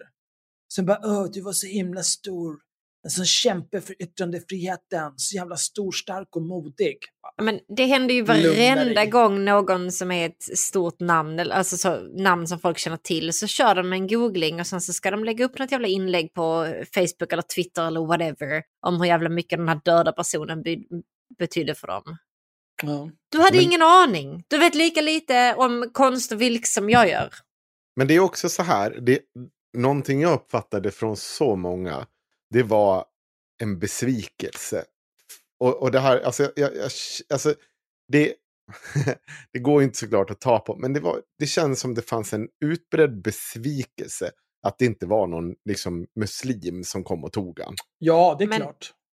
Det, hade ju varit eh, en, en höjdardag för Men det är eh, ju också- brunhögern. Men det, det känns ju det känns ju också lite kul att eh, de här eh, islamistiska extremisterna, eh, de, de blev liksom lite... De, de fick inte vara de som avslutade hans liv. Nej, Mm. det måste svida. Tji fick ni. Got him! Kari. Men ni ska få två exempel på eh, hur olika delar av, ja men två olika sidor eh, har reagerat på det. Först har vi Johan Romin. Eh, en, ganska säker på att han är högerut. Eh, jag bedömer det på vad det han skriver här. Eh, då skriver han så här, fråga. Har någon ledande vänsterpartist kommenterat Lars Vilks död? Då skrev jag, Säg att du vill använda Lars Vilks död i politiska syften innan liknet kallat, utan att säga att du vill använda Lars Vilks död i politiska syften. Sen har vi ju eh, ansiktet utåt för sans och balans, Sylva Habell, som skrev så här. Lars Vilks har aldrig agerat eller talat för demokrati och yttrandefrihet. Att genom rasism förfölja och demonisera redan förföljda grupper, det är att bidra till att trycka, i, trycka ihjäl dem. Det är utplåningsretorik, inget annat. Och utplåningsrik har ett särskilt mål. Folkmord! Hon skriver är med ju- väldigt stora bokstäver. Hon är ju knäpp i huvudet. Och så skriver hon sen. Klockan för normalisering av rasism och nynazism är någon knapp minut i tolv. Och ändå har nu Sverige statsfäst att vi ska hurra hela vägen till fram till ett ytterligare folkmord. Och så har hon lagt med en, en The Pyramid of White Supremacy. Och så börjar det här, då är det olika grejer som hon visar då att det här är på väg att bli ett folkmord. Ehm, ja, jag, ni- jag tog ju fram folkmordsgiraffen här då. Tyckte jag var Mm. roligt. Har du sett den Sanna? Jag har sett den. Ja, det, vad, vad heter han som har gjort den? Vi måste ju credda Jag kommer han. inte ihåg. Nej, då skiter vi i credda han. Jag kommer inte ihåg. Han är komiker. Han har fått cred nog för den här. Han är jävligt rolig. Det är Arman heter han någonting. Nej, Aha. Heter han inte Arman? eller va? Arman Ram eller något sånt där kanske. Det är så han heter på Twitter i alla fall. Jag vet. Ja, skit Vi samma. letar upp det där. Det Otroligt bra. Otroligt bra. Men, jag, jag, det, det, är också, men det, det är ju hela så här, han, och han, det var någon som sa det att folk fortsätter ju vara en del i hans konst på något sätt. Ehm, och det får man väl ge han. Det har han väl lyckats med. Om det var syftet. Men det där låter lite grann som en... Det känns som en efterkonstruktion. Hur menar du då? Nej men det här så här, åh, det här är, allt det här är en del av min konst. Fa- Fast är den verkligen det? det är, det inte, är det inte bara massa bajs? Ja. Ja, men det är precis vad jag tror om hon... Eh... Kommer ni ihåg Hanna Widerstedt? Ja. Som var med i Big Brother och som sen kom ut som att hela var ett konstprojekt. Mm. Efterkonstruktion. Tror du det? Jag Du var dum i huvudet i två år och nu så skäms du. Eh, ja, jag tror det. Tror du, vadå, tänker du att Vilks någonstans efter liksom tio år av att bygga på det här fortet inser jag bara, "Nej, jag har stått och samlat drivved i tio år. Ja, nu får jag ju hitta på en ursäkt till det. Kanske Here's a cool fact a crocodile can't stick out its tongue. Another cool fact you can get short term health insurance for a month or just under a year in some states. United Healthcare short term insurance plans are designed for people who are between jobs, coming off their parents' plan, or turning a side hustle into a full time gig. Underwritten by Golden Rule Insurance Company, they offer flexible, budget friendly coverage with access to a nationwide network of doctors and hospitals. Get more cool facts about United Healthcare short term plans at uh1.com. Quality sleep is essential. That's why the Sleep Number Smart Bed is designed for your ever evolving sleep needs. Need a bed that's firmer or softer on either side? Helps you sleep at a comfortable temperature? Sleep Number Smart Beds let you individualize your comfort so you sleep better together. JD Power ranks Sleep Number number 1 in customer satisfaction with mattresses purchased in-store. And now, save 50% on the Sleep Number limited edition Smart Bed for a limited time. For JD Power 2023 award information, visit jdpower.com/awards. Only at a Sleep Number store or sleepnumber.com. inte... Kanske Ja, det var inte konst. Drivved. Ja, jag vet. Egentligen hade man en långtgående psykos i tio år. Jag sprang runt på stranden och samlade drivved. Ja, nej, jag vill inte framstå som konstig eller någonting så. Konst? Har ni hört talas om det? Det är en grej jag håller på med. Jag kluddade en rondellhund. Åh jävlar vilket liv det blev! Ja, ja. Nu är jag tydligen konstnär här. Nu är det så här. Perfekt. Ja. Men eh, kontentan är, jag... Eh, det, det är ju vad det är. Och eh, jag tycker bara att liksom så här, jag vill inte avkrävas att jag skulle liksom ha stått. Jag, jag tycker liksom att jag står för det samhället som ser till att han har en livvakt och faktiskt eh, skyddar honom. Eh, och jag tycker att vi borde ha mycket större skydd för den, alltså egentligen folk som jobbar i civilsamhället, konstnärer, folk som är aktiva i föreningar eller liksom sysslar med påverkan och, och, och sånt. Jag tycker att det är, vi har alldeles för dåligt skyddsnät för de människorna. Tyvärr. När regeringen eh, gör sina planer för hur man ska skydda människor så är man liksom utlämnas aktivt människor som jobbar i civilsamhället. Alltså till exempel sådana som jobbar med sånt här. Eller sådana som driver, eh, ja vad kan det vara, allt ifrån antirasistiska Olika typer av organisationer. organisationer. Ja, eller liksom så här utbildningsorganisationer och så vidare. Saker som rör, rör upp. De, där finns liksom inte det skyddet på samma sätt. Mm. Och lagstiftningen är ju inte heller uppdaterad. Det man har är något sånt här brott mot med, medborgerlig frihet som kom på 40-talet som knappt har prövats och inte liksom är aktuellt idag. Det behövs göra en ansats där. Konstnärer däremot är med. De omfattas. Och det är väl just på grund av Mm. Vilks. Ja, det var bra. Så är det. Ja, jag har också hängt på Facebook. Har du det? Mm. Vad har hänt där I då? mammisgrupper. Ja. Nej, men jag ramlade över ett inlägg som jag tyckte var så himla sjukt bara. Jag måste, Okej. jag måste bara få läsa det för er. Nu har vi inte sexarna här i podden detta avsnittet tyvärr. Ehm, men ni kan väl känna era bästa sexarna uh, heja här. Okej. Hon börjar inlägget så här. Mamas, I need your help. Åh nej. Min bonusdotter har börjat googla på porr. Detta hände för ett tag sedan och jag talade med henne om det. Vi upplyste hennes mamma om detta, som även talade med henne om det. Jag antog att det lugnat ner sig, men nu inser jag att hon lärt sig radera historiken. Smart tjej. Nu såg jag nya googlingar som hon gjorde i lördags morgon, antagligen innan någon av oss var vaken. Dessa var annorlunda. Djur som har sex, pojkvän som gör en svartsjuk samt om det är olagligt att ha sex med en hund.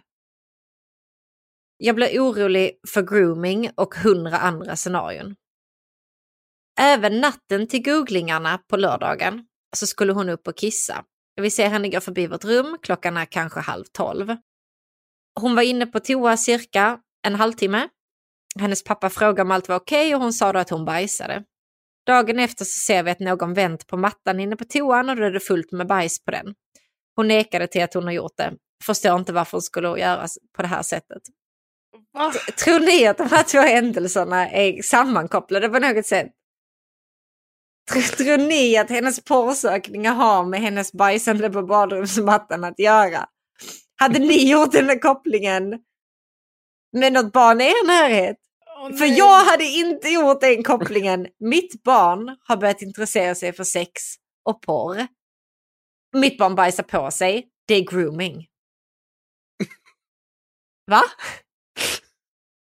För det tror ju uppenbarligen den här mamman. Ja. Och jag kan säga att det tror kommentarerna också. De tror att någon groomar detta barnet till att söka på sjuka saker på internet. De tycker att det är sjuka. Vi är sexarna, channelar sexarna. Eh, så att Ja, vi tycker normalt. att allting är normalt. Men Ja. de tycker ju att här, de här sjuka googlingarna och bajsandet är ju absolut 100% grooming. Det är någon som tvingar detta barnet att göra det här. Men, ja. Alltså, jag, jag tror kanske sexupplysar-Sanna måste bli. Sex-Sanna, det låter... Ja men det var bara korta. Vi kan säga Ja. sexupplyser Sanna också. Ja. Jag tänkte först såhär, men fan porr-Sanna, är inte det... Nej, det är inte heller bra. Det finns nog en annan sån. Nej. Ja, nej men Nej. ja. Alltså jag hade ju... Eh, det grövsta jag kan tänka mig det är att... Hur, hur gammal är det här barnet? ja, det kommer frågor om det också. Hon eh, fyller i sen att hon är nio. Jaha. Ja, nej. Eh, Nej, då hade, jag, då hade jag sett det här som orelaterade händelser.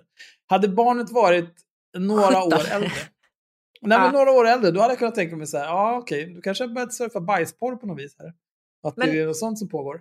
Också eh, sökningar relaterade till sex och djur hade varit betydligt mer problematisk om det var liksom alltså i övre tonåren. Mm. I yngre tonåren så tror jag liksom inte ens att man fattar Men nio, då, då håller man Alltså- inte på med sånt där. Nej, alltså eh, hur ska hon kunna veta det inte är en grej? Alltså jag, Ja. När man är nio, då, då kan man vara hästtjej utan att det finns några undertoner. Så självklart så rekommenderas porrfri barndom i kommentarsfältet. Också Mm. porrfri ungdom, vilket jag antar är samma sak. Men jag vet inte. Eh, vissa är lite rimliga och liksom tycker att eh, är, är det här verkligen relaterat? Eh, bajset och porren? Kanske inte. Eh, och tycker att de borde prata med henne och liksom eh, kanske förklara om porr och inte bara förbjuda det. Nu ska vi se här. Och sen är ju folk helt på att man ska ta bort telefon, man ska ta bort iPad, man ska låsa in det här barnet, hon får inte lov att nyttja internet om inte en vuxen är närvarande och med. Eh, man ska sätta in så här, eh, porrfilter kommer upp i samband med porrfri barndom-rekommendationerna. Men, men det här är ska- alltså för att barnet har bajsat på golvet? Och googlat porr. Jag vet inte, jag vet inte om Men, alla de här människorna har, de- tror har hon att det är frågat sammankopplat. varför barnet bajsar på golvet? Ja, men hon nekade ju. Ja, hon nekar ju. Så Men det är, ju så här, grooming, Det är Henrik. klart, en nioåring som har bajsat på sig och bara vänder på mattan, nu pratar vi inte mer om det här tråkiga. Då får man ju som förälder vara lite snygg och bara, ja men vi tvättar det här, tvättar bort det här tråkiga, så pratar vi inte mer om det här. Och så kan man kanske dra en story för sitt barn om så här, fan en sjuk grej hände mig när jag var i din ålder. Jag bajsade på mig och sprutbajsade överallt på hela mattan. Eh, men då gick jag till min mamma och så sa jag, jag har bajsat på mig. Och sen så hjälpte hon mig att städa upp allt det där. Ja. Så det är en grej man kan göra om man bajsar på sig. I don't know. Och, men jag vet inte om de här reaktionerna, att man ska liksom totalt blocka internet för det här barnet, är om för att de tror att barnet blir groomat eller bara för att han söker på porr. Men- Jag har ingen aning. Eller för att han bajsar på sig som straff. Jag vet faktiskt inte vad de vill.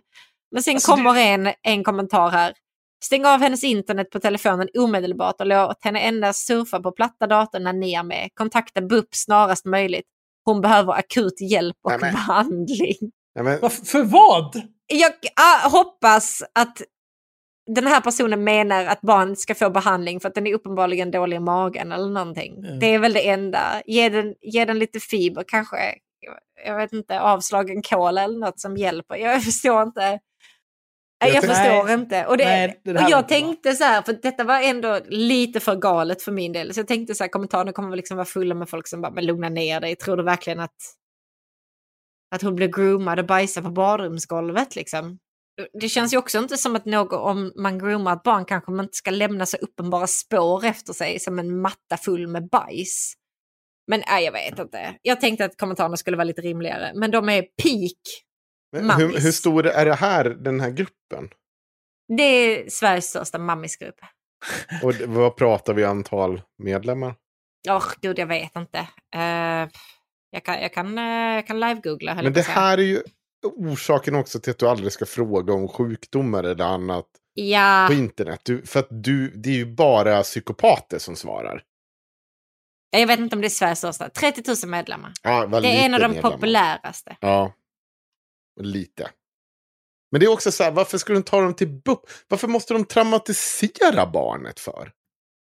Det är så här, ja, Nej, nu ska vi dra dig till, ja, vad ska du säga till BUP då? Ja, mitt barn bajsar på mattan. Jag står en nioåring och gråter för att mamma är ett sjuk i huvudet. Nej, men det de och kommer att gå till BUP och säga är ju så här, mitt barn har blivit groomat på internet och utsatt för olika typer av övergrepp. För att de har inte bemödat sig med att prata med ungen och ta reda på vad det är Ja, som egentligen precis. hänt och bara- För nu, nu ska jag uttrycka mig så här. Det kommer saker som i barns liv som är lite småkonstiga.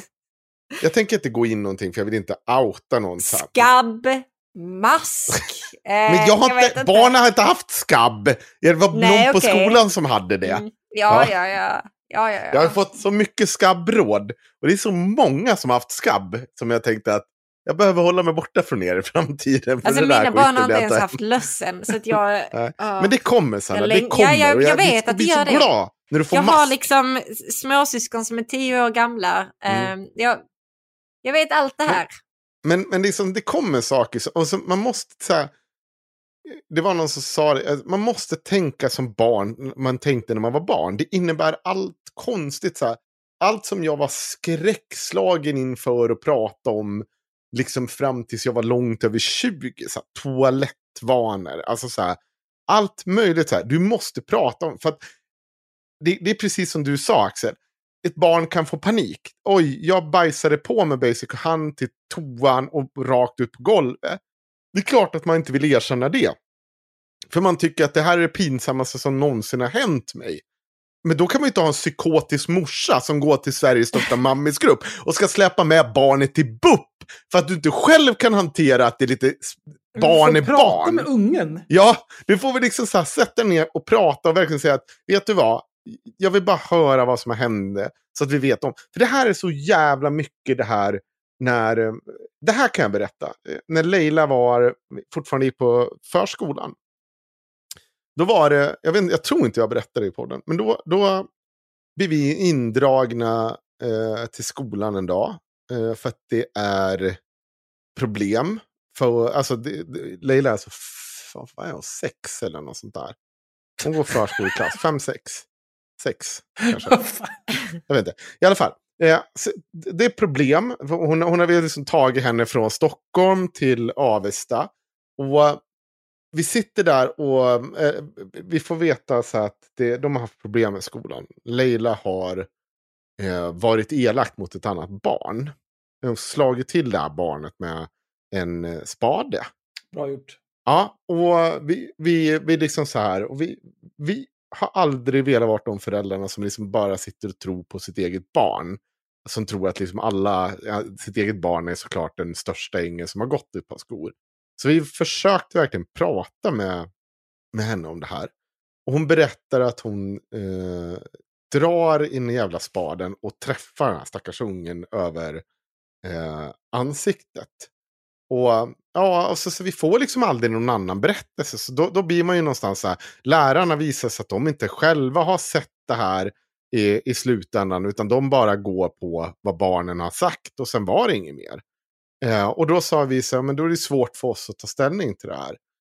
Eh, och vi bara, eh, det, det, är jättesvårt och vi, vi har ju liksom varit jätteoroliga. Vi, vi får inte ur, vi har verkligen försökt prata på alla möjliga sätt och vis.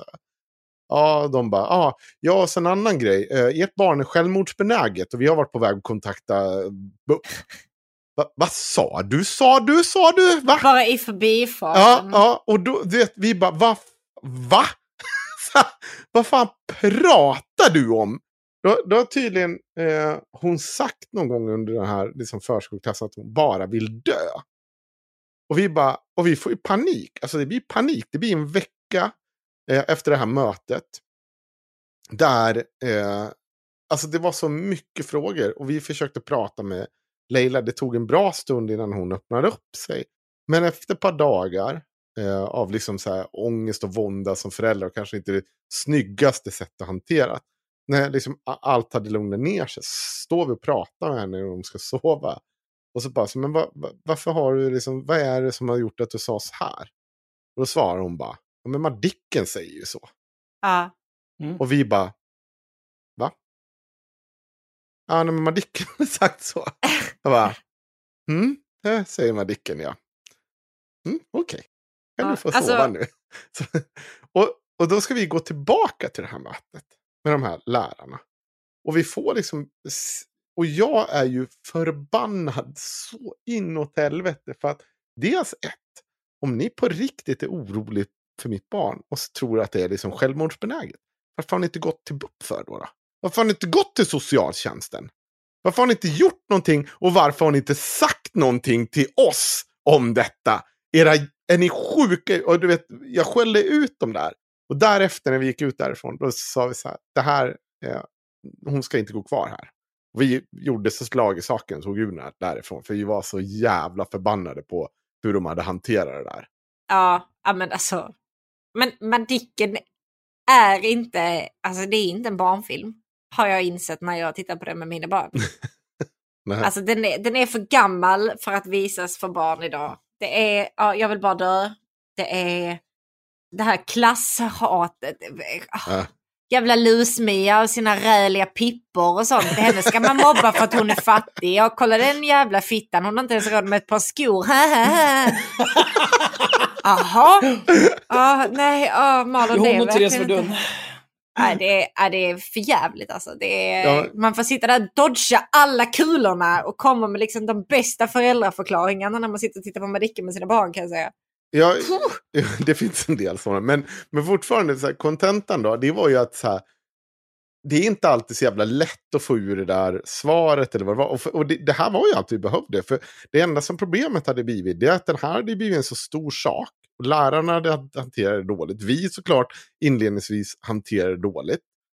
Så att ingen liksom kom till så här, och började ställa de här öppna frågorna när hon kunde liksom svara som hon skulle svara, liksom som ett ja. barn och få en chans att så här, utan skam och skuld känna någonting och svara någonting. Men, men, men det är ju det här som sker när, när man liksom sitter med galna mammisar i stora jävla mammisgrupper. Det ballar ju ur. Ja. Men, alltså, så här, jag vill, det är ju ändå bra att om man misstänker någonstans att ens barn blir groomat så är det väl väldigt bra att man tar tag i det. Men mm hur ska du kunna göra det om inte ditt barn kan prata om sådana här grejer med dig? Om du direkt går ut på internet och skriver att den bajsade på sig och outar alla jävla internetsökningar. Det finns ingen som vill ha sina internetsökningar outade alltså. Nej. Speciellt inte en nioåring som precis har börjat våga googla på porr eller på grejer relaterade till sex. Liksom. Så, mm.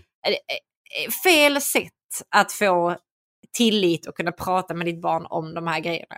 Det, paniken måste, den måste sluta alltså. Ja, nej, jag håller med. Mm. Axel, this just in i sommarvikariegruppen som jag har.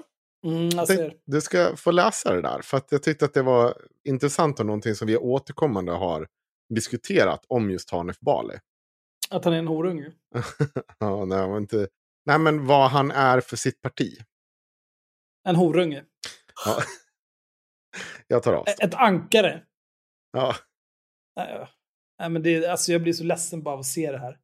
Det är kul att den här ligger under kategorin sexanklagelserna mot Hanif Bali. Det, är konstigt. det borde de ju lägga ner nu kanske. Ja. Ja, det här är en text i Aftonbladet som är publicerad för två timmar sedan, 18.07 idag. Måndagen den 11 oktober. Wow, vilken grej. Det är fyra timmar sedan. Det är fyra timmar sedan, ja. Ja, men det är inte mitt fel. Det står uppdaterad mindre än två. Ja, det är uppdaterat. Det var Ja. något. Tänk att du kunde läsa också Axel. Ja, tänk det skulle vara något. Ja. Partiledardebatten skulle bli M-ledaren Ulf Kristerssons tillfälle att prata sakpolitik istället för internutredningar. Men partiledaren hann knappt lämna tv-huset innan riksdagsmannen Hanif Bali kuppade nyhetsflödet och berättade om sina planer på en comeback.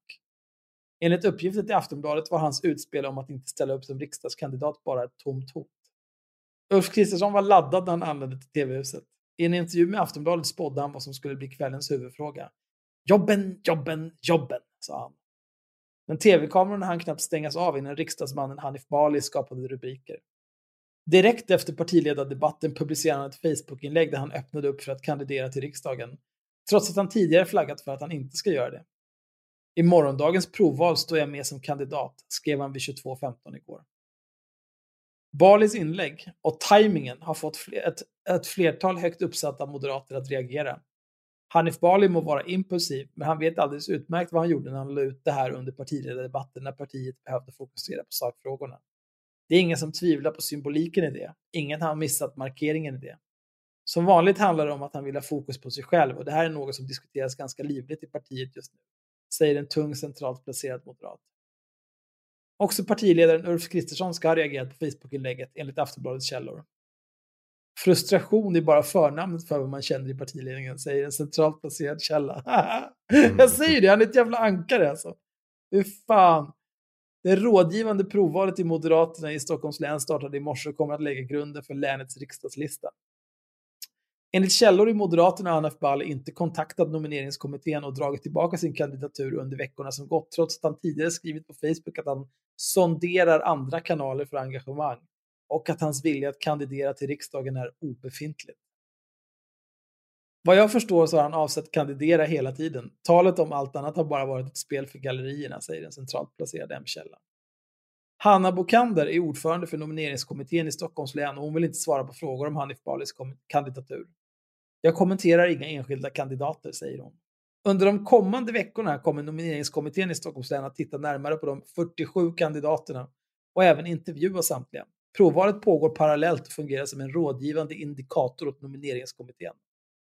Vi gör en sammanvägd bedömning och sätter ihop en riksdagslista där vi utgår från kompetens, erfarenhet, lämplighet och annat.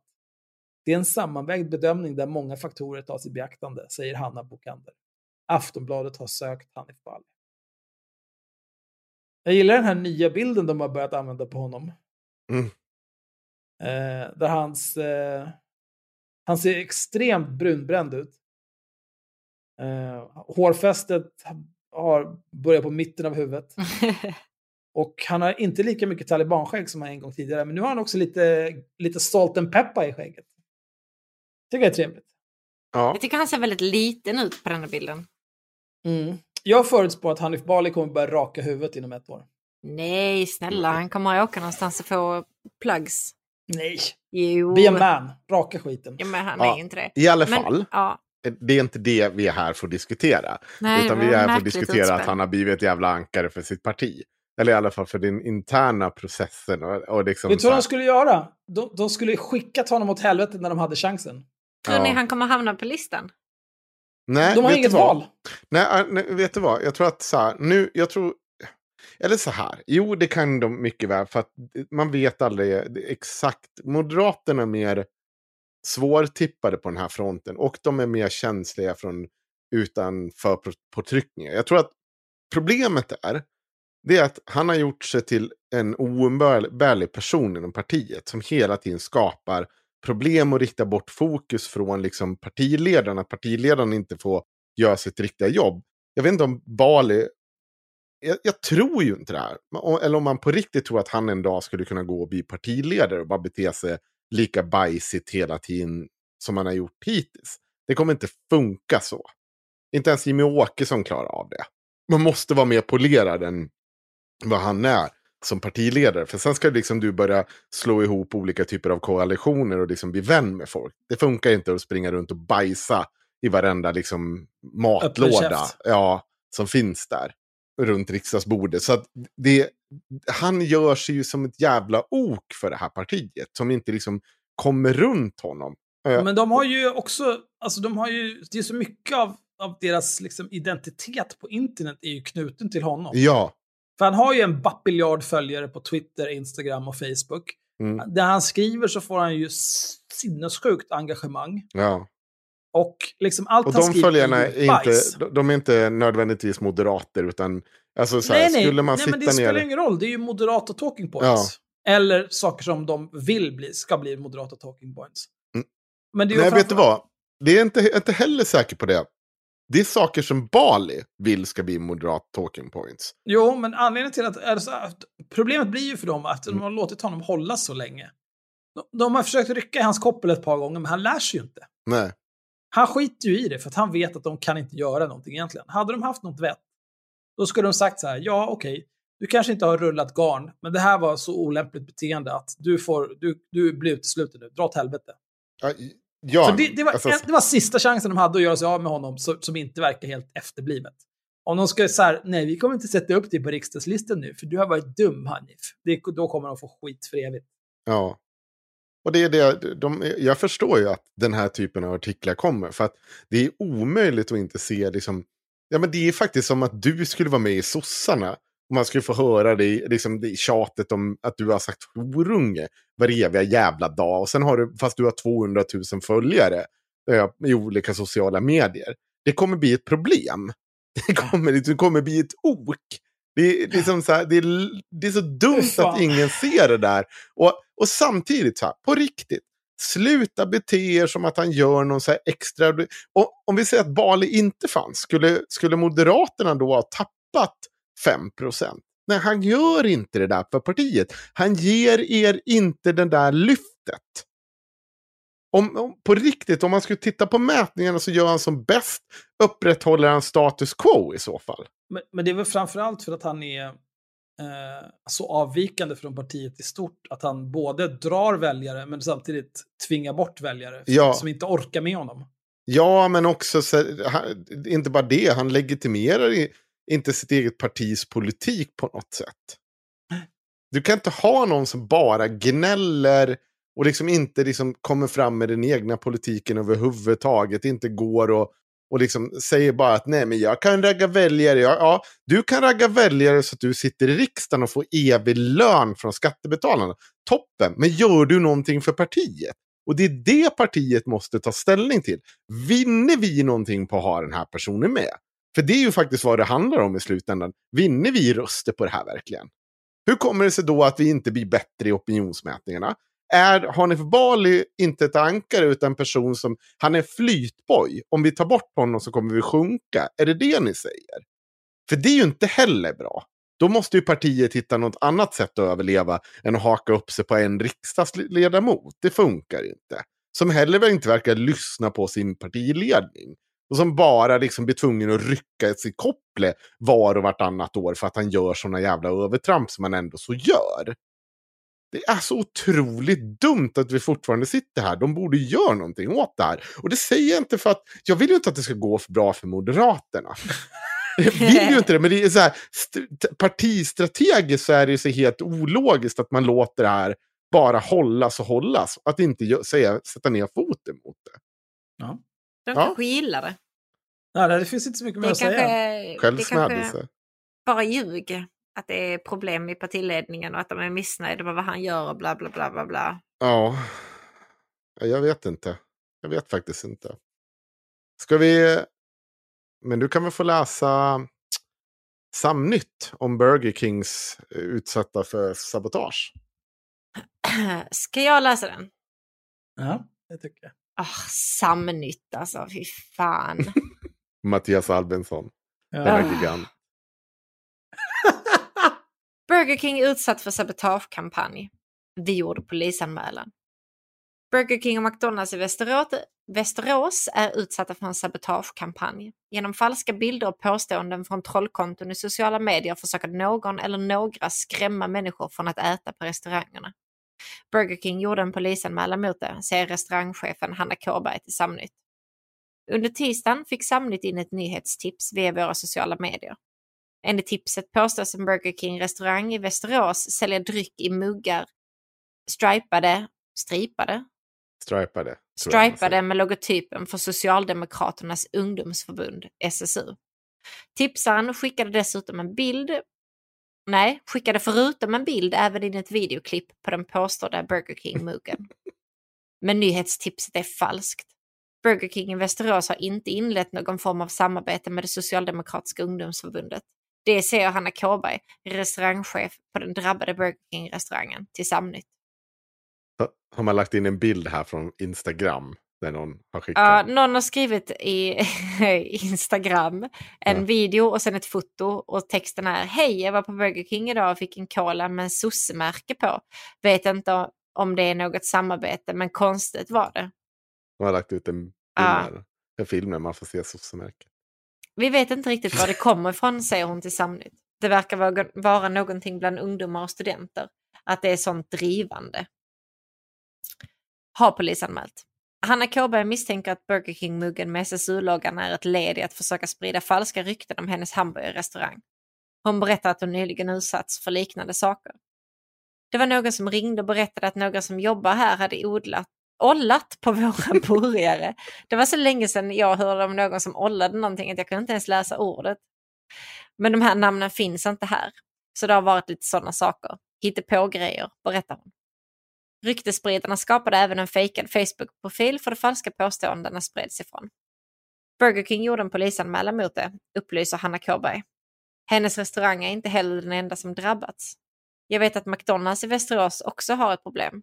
Det är väl generellt mot alla sådana här matkedjor kan jag tänka mig.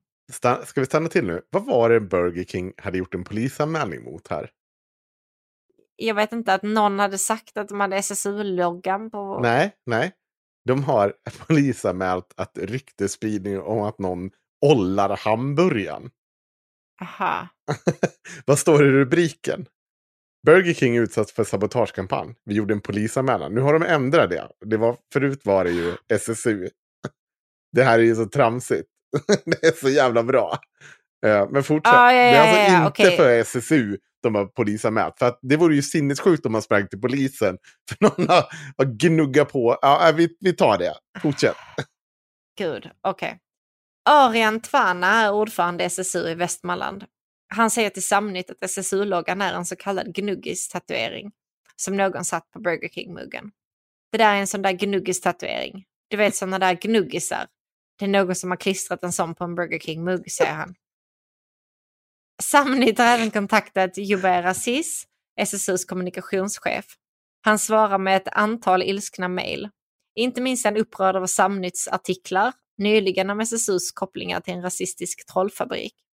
Någon har satt en SSU-gnuggis på en Burger King-mugg. Är detta ditt nya scoop? En seriös publikation beter sig inte som du gör. Ni verkar inte förstå grundläggande pressetik. Att hänga ut minderåriga vid namn för helt grundlösa anklagelser som ni nyligen gjort, enbart för att det gynnar er politiska agenda, visar på varför det inte går att ta er seriöst, skriver han bland annat. Gubarasis svarar inte på om SSU ligger bakom försöket att plantera det falska nyhetstipset med den SSU-stripade Burger King-muggen, utan skriver bara fler arga mejl.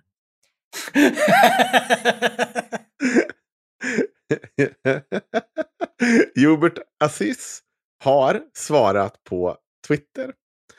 Ja, det var delvis jag ilskna mejl. Men att jag inte svarar på frågan stämmer ju inte. Här ser ni mitt svar på frågan om gnuggistatering på King-muggen. var en kom komplott för att misskreditera den seriösa nyhetssajten Samnytt. Som, vi va som valde, valde att inte ta med. Och då har han svarat så här. 16 och 19. Jo, vi har suttit ett halvår och planerat hur vi en gång för alla ska misskreditera det stora förtroendet som finns för Samnytt. Vi landade i att den bästa idén vore att skicka en Burger King-mugg med SSU-klistermärke på till er. Trots att det stora maskineri vi lagt ner på denna plan kom det på oss, rackarns. Alltså Så det här, det här är så fruktansvärt låg nivå. Det är så jävla låg nivå. Ja, jag kan inte för allt i hela världen förstå varför Samnytt inte bara någonstans bara... Nej men... Nej men... s- Nej. Nu, Det är för dumt. Nu ger vi upp. Det är för... Det, är för, det, är för, det här är för jävla dumt. Speciellt när de uttar, alltså, eller avslutar hela den så kallade artikeln med eh, den här totala... Ja. eh, han river ju ner de här. Mm. Är detta ditt nya scoop? En seriös publikation beter sig inte så som ni gör. Han bara krossar dem. Det, så, det har de bara med i artikeln här, för de förstår I- inte att detta är ett problem. I, I kommentarsfältet kan man läsa Christer Andersson. Det är klart rödingarna som varit framme. Och sen en bild på den där islamisten får mig må illa. Svarar Folke filbyte. Ja, Dyngan verkar försöka ta sig in i politiken via ungdomsförbunden. Han är inte den enda mussen i en topplacering. Christer svarar. Ja, det har redan tagit över Miljöpartiet, så numera kallas Muslimpartiet samma akronym. Sossarna Av har gjort vem? överenskommelse med Av muslimer. vem? Ja, Av honom Maxell! och vänta, och så så, Closen, hmm, bara outtalbara eh, på Västerås-sossar, outtalbara namn på Västerås-sossar. Han har ju Åh. inte fel i när han säger att Miljöpartiet och Mussepartiet har samma akronym. Nej, Nej, Ja, men har han rätt om något annat? nej, Nej. nej. Här, här kommer då. Säkerhetspartiet. Mussarna jobbar på bara fan, skap, så klart samsas med andra är inte att tänka på. Så det är bara ut som gäller, så är läget. Det är mycket sansade kommentarer här måste jag säga. Men jag har faktiskt en till grej som jag tänker att vi ska ta upp. För jag tycker lite att det här är, um, tycker lite att det här är samma nivå på journalistik. Men från en stor tidning. För att i, i slutändan så handlar det här om bara det töntigaste försöket någonsin att smutskasta en politisk motståndare. Det är verkligen det töntigaste försöket någonsin. Och Mattias Albinsson, han, alltså han måste ju rakt omedelbart. Oj, jag tar avstånd. Och det var ett hot som inte är sponsrat av LO. Det var heller inte ett hot, jag skojar. Ta mig på allvar. Gud, klipp ur det där. Ja, Nej, klipp absolut inte ur det. Nej, men i alla fall. Eh, ni ska få här hur det kan låta när Aftonbladet försöker göra lite seriösare smutskastning. Och nu vill jag att Axel läser så att vi får lite eh, motprestation här. Vi bollar mellan varandra. Ja, det här... Nej. Jo. Nej. Sitter i riksdagen, pluggar samtidigt på heltid. Liberalen Joar Forsell studerar på heltid, samtidigt som han sitter i riksdagen. Statsvetaren Patrik Öberg ser det som att skattepengarna finansierar riksdagsmannen utbild- riksdagsmannens utbildning. Jag har pluggat på kvällar, på nätter och helger, säger Forsell. Det här är ju... Statsvetaren Patrik Öberg ser det som att skattebetalarna finansierar riksdagsmannens utbildning. I vilken värld, under vilka omständigheter skulle det vara på ett annat sätt i Sverige innevarande år? Du, alltså jag fattar ju att han menar så här, ja han behöver inte ta något CSN för att Mm. han har ju sitt arvode från riksdagen. Så här. Men alltså snälla, tror du att Johan Forssell, hur länge har han suttit i riksdagen? Tror du inte att han har lite pengar undanstoppade så att han kan skita i det där? Och även om han har pengar, vad skulle det spela för roll? Det, alltså, All- Han, alla han har bara CSN, men det är hans första mandatperiod ska sägas. Jo, jo, men han Ja. har väl lite pengar. De, har, de tjänar ju rätt 70 lax i månaden. Ja, jo. jo men, men läs, för det är Men det det är här också som är så här, det spelar ingen roll. Ja. Det spelar ingen roll vad, hur han förtjänar sitt uppehälle. Det spelar ju ingen roll. det Antingen finns så ju väldigt sitt många som arbetar och pluggar samtidigt och det är Ja. inga konstigheter. Det är inte så att alla arbetsgivare bara nu känns det som att jag bekostar din utbildning, bla bla bla bla. Gör jag mitt jobb eller inte? Gör jag mitt jobb? Ja, det är det vi ska titta fritid. på. Kom igen Ja. nu, nu kommer vi till om det om man gör sitt jobb eller inte. Ja, vi får se. Johan Forsell, Liberalerna, i och för sig ett horungeparti utan dess like, har suttit i riksdagen sedan valet 2018 och är ledamot i utrikesutskottet. Trots uppdraget studerar han på heltid till gymnasielärare vid Karlstads universitet. Patrik Öberg, statsvetare vid SOM-universitetet, SOM-institutet, Göteborgs universitet, har aldrig hört talas om något liknande. Nej, eh, vem bryr sig? Jag skiter väl i vad du har hört talas om. Nej. Det är väldigt annorlunda. Man blir nyfiken hur han själv motiverar detta för sina väljare. Vad har de för glädje av att han pluggar till lärare? Vem bryr sig? Säger han. Men vadå? Vem bryr sig? Ja, till att börja med, vem bryr sig? Men om man tittar så här. Vad har vi för glädje av att Hanif Bali håller på som han gör? Fucking noll. Men det här är ju åtminstone en människa som utbildar sig så att han kan ha ett riktigt jobb någon gång i framtiden. Och inte som Hanif Bali hålla på och lalla fram och tillbaka som en jävla idiot. Ja. Men det, det är fortfarande inte där skon Nej, klämmer det ens där. Det är ju huruvida han gör någonting. Nej, det kommer säkert. Det finns inget förbud mot studier för riksdagsledamöter. Nej. Det är heller inte ovanligt att ledamöter har bisysslor vid sidan av uppdraget. Men det går inte att jämföra med att studera på heltid, enligt Öberg. Han forskar särskilt om karriärambitioner hos svenska riksdagsledamöter. Men då borde väl han vara... Jag bara fick en mindre stroke när det sjönk in vad fan det är han gör på dagarna. Han forskar särskilt om karriärambitioner hos svenska riksdagsledamöter. Ta ditt Och liv. Jag kan bara berätta att det här är någonting svenska skattebetalare 100% finansierar. Det känns som att Och svenska känns- skattebetalare Ja. betalar för hans lön. Ja, och vad har vi för nytta av det, om jag får fråga? Det, det han verkar ha producerat här är att han har bidragit till en riktigt korkad text i Aftonbladet. Det verkar vara vad de här pengarna har Ja. legat upp. Politiker måste odla en relation till sina väljare. Man bygger sakta upp ett förtroende. Man är inte bara där fyra år och sen sticker. Är det så att skattebetalarna finansierar en utbildning som han går samtidigt, vad händer då med rollen som förtroendevald? Ja, jag vet inte, det är ju du som forskar på det här. Ingenting, alltså helt ärligt, ingenting du säger hittills skrämmer mig överhuvudtaget. Du Nej, säger han- att han- ja, men det, han- man, man bygger sakta upp ett förtroende, man är inte bara där i fyra år sen sticker. Jo, det kan man väl för fan visst vara! Varför skulle man inte kunna vara det? Det är väl jobbigare att det sitter folk där år ut, år in, år ut, år in och inte producerar ett skit. Vad fan Hanif snackar du Hanif om? Bali. Ja, Ja, Bali. han är inte ensam. Långt Nej, nej. ifrån. Men nu när vi ändå är inne och näthatar Hanif. Ja. Joar Forsell har varken tagit studielån eller fått studiebidrag för utbildningen. Ett- Enligt CSN har han inga studielån alls. Nej, det är väl därför han jobbar samtidigt, för han vill undvika ett studielån, eller? Han vill undvika... Där är ju ändå så här... Till exempel förra året så var det ju, det var ju inget fribelopp. De tog ju bort fribeloppstaket för studier. Så han hade ju, utan han, hade han varit moderat, en typisk moderat, så hade han ju tagit sitt riksdagsarvode och sen hade han maxat bidragsdelen av CSN, men inte tagit några lån. Ja. Då hade han tjänat, ja det är väl typ 2 500-3 tusen i månaden. Men, Så det är väl en 30 lax kanske. Gratis pengar hade han kunnat göra. Men det har han inte gjort, så det får man ju ändå credda honom för. Alltså, Men så är han ju inte, de är, Liberalerna är ju horungar på ett annat vis. De är ju inte så mycket pengahorungar, det är mer ideologiska horungar. Forsell, säger till Aftonbladet att studierna sker på distans och är en bisyssla. Jag har tagit några extra poäng vid sidan av riksdagsuppdraget. Det är inte ovanligt att folk pluggar eller har något annat engagemang. Förra hösten tog du 30 högskolepoäng, vilket motsvarar heltid. I våras tog du 17,5 poäng. Du har helt rätt att det på pappret är det heltidsstudier, men för mig har det inte varit, tagit så mycket tid. Ja, men det är ju i förra hösten som det var heltidsstudier. Och sen var det inte heltidsstudier. Va? Mm. Ja, men fortsätt. Vad får dina väljare ut av att du studerar på heltid? Men, vad ska de få ut någonting av det för? De frågar, vad får du ut av att, vi sit, att han sitter i riksdagen? Vad är, vad är det här för korkad Jag, fråga? jag, vid det här laget, då hade jag sagt så här, bara, är, är, ni, så här, är du dum? Och det hade inte varit Nu ska vi fel. skit... Det är ju som att säga så här, men vad får väljarna ut av att du bajsar regelbundet?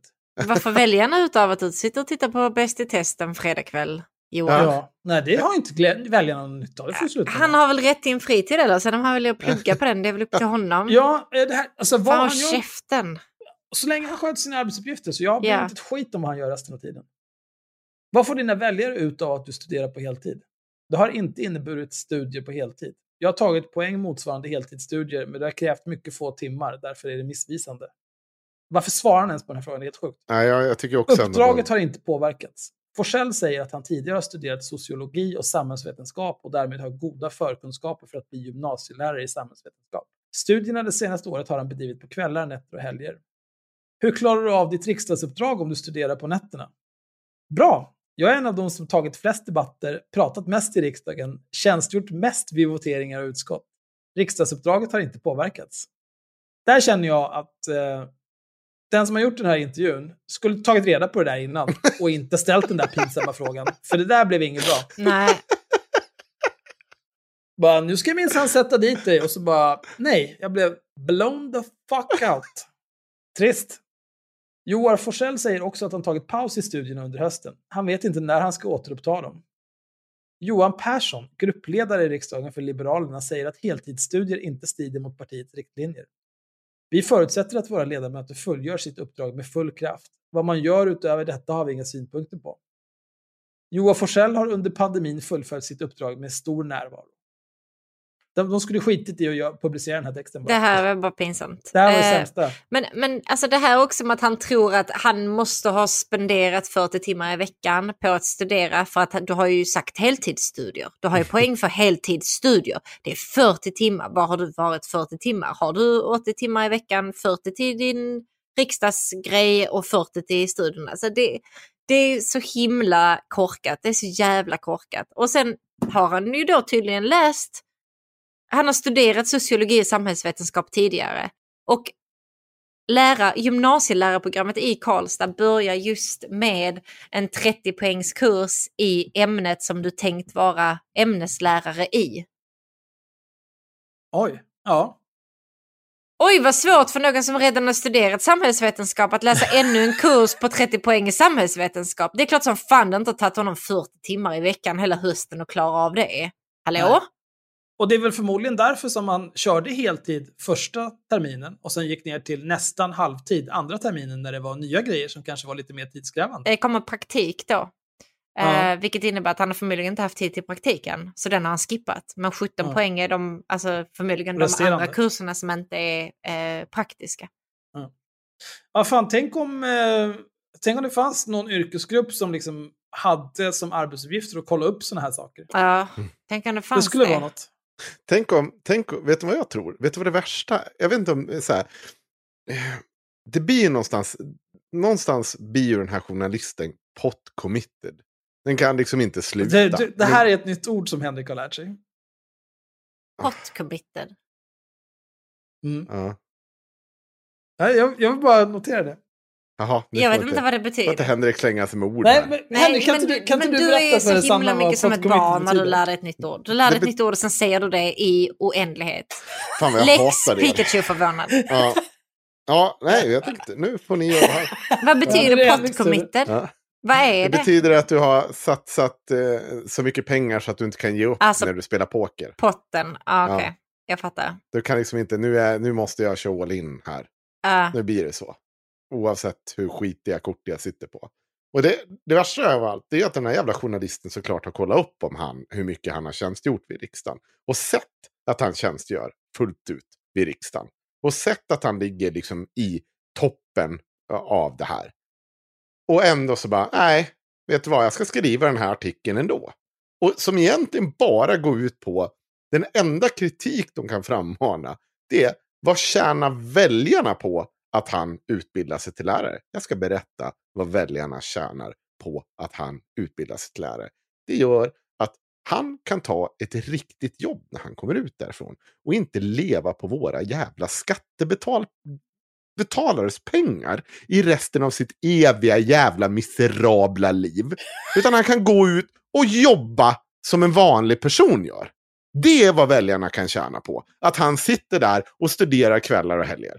Det Mm. är liksom, om du forskar på det här, om du forskar på det här, hur kan inte det vara en grej? Eh, Hur vad tjänar väl- väljarna på det här? Ja, precis det jag just sa. Hur kan du inte veta att det är vad väljarna tjänar på det här? Sen kanske Joar Forsell är den typen av horunge som i slutändan sitter och har alla möjligheter att ta ett jobb, men tycker det är bekvämare att lägga åtta år på att bara sitta och plocka ut riksdagsarvode i pension. Det kan han absolut vara. Men helt ärligt. Det är väl bra om karn har en utbildning så han kan börja jobba istället för att fortsätta leva på skattepengarna. För det finns en hel del politiker som låtsas som att de inte skulle kunna gå tillbaka och jobba. De är bara inte bekväma med att säga upp alla de jävla pengarna som de får uppstoppade i röven varje månad. Så de vägrar gå tillbaka till att ta hand om barn. För det är inte så jävla kul att tjäna 25 000 månad och bli spydd på varje dag. Det är liksom så jävla dumt att det här ens blir en artikel. Det är, jag tycker det är exakt lika pinsamt som den här jävla SSU-loggan. För det handlar bara om i slutändan att, att här ska vi hitta någon skit där det inte skit finns. Och nu kan vi inte sluta. Ja. Mm. Men Joar Forsell, fan jag känner igen eh, det namnet ganska väl. Alltså jag, jag tror jag har sett att han, han är ganska aktiv på Twitter här för mig. Ja, Och är, är inte särskilt omtyckt av... han har väl varit...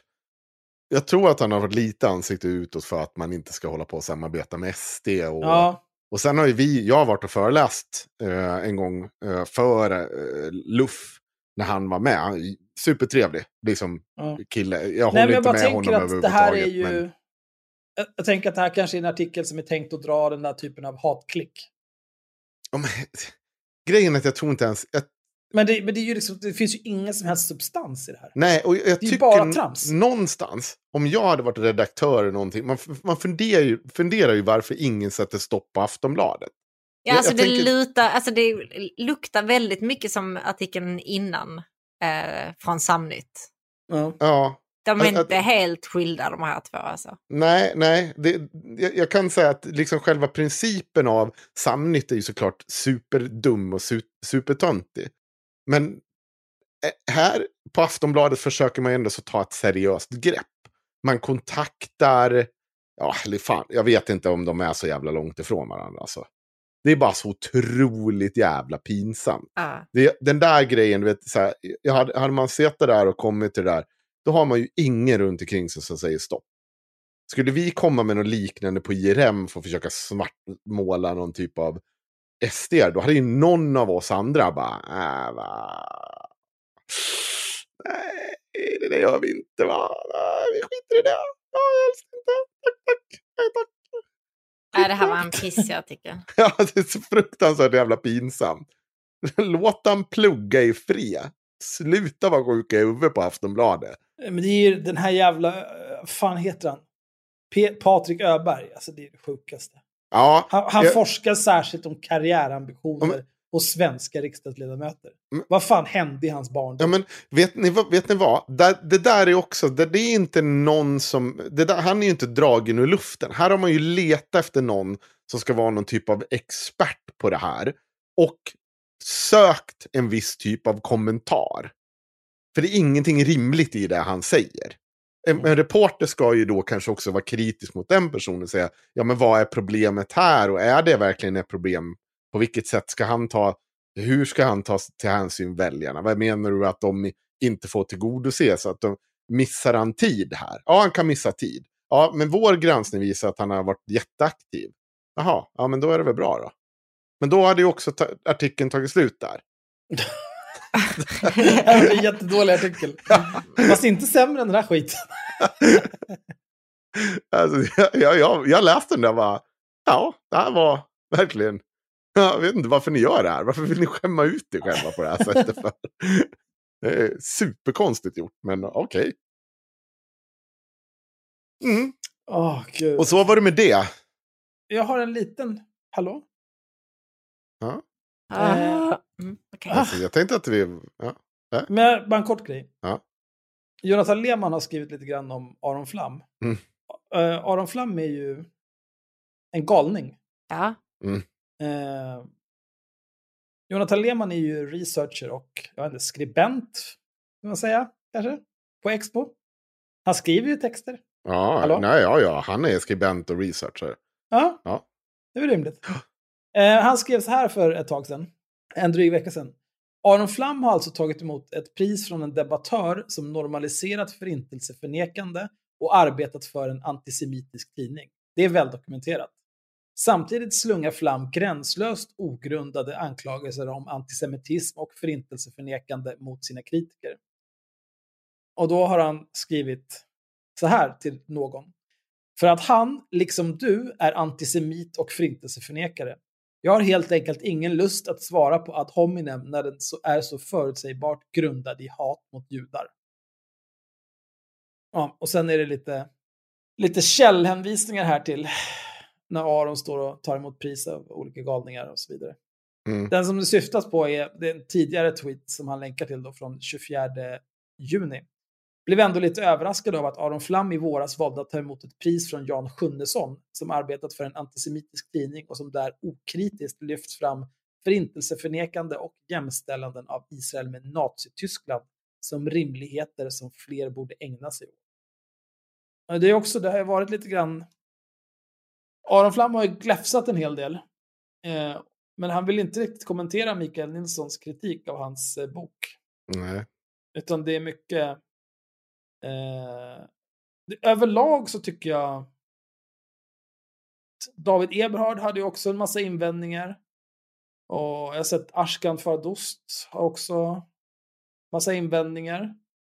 Och jag, jag tycker att det är så himla konstigt ändå. För det är ändå... Om man tar bara de där tre. Jag vet inte vad Aron Flam har för utbildning. Men han är ju inte historiker. Nej. Eh, Ashkan Fardost är någon typ av, eh, har doktorerat i kemi, någonting. Eh, Han är inte historiker. Nej.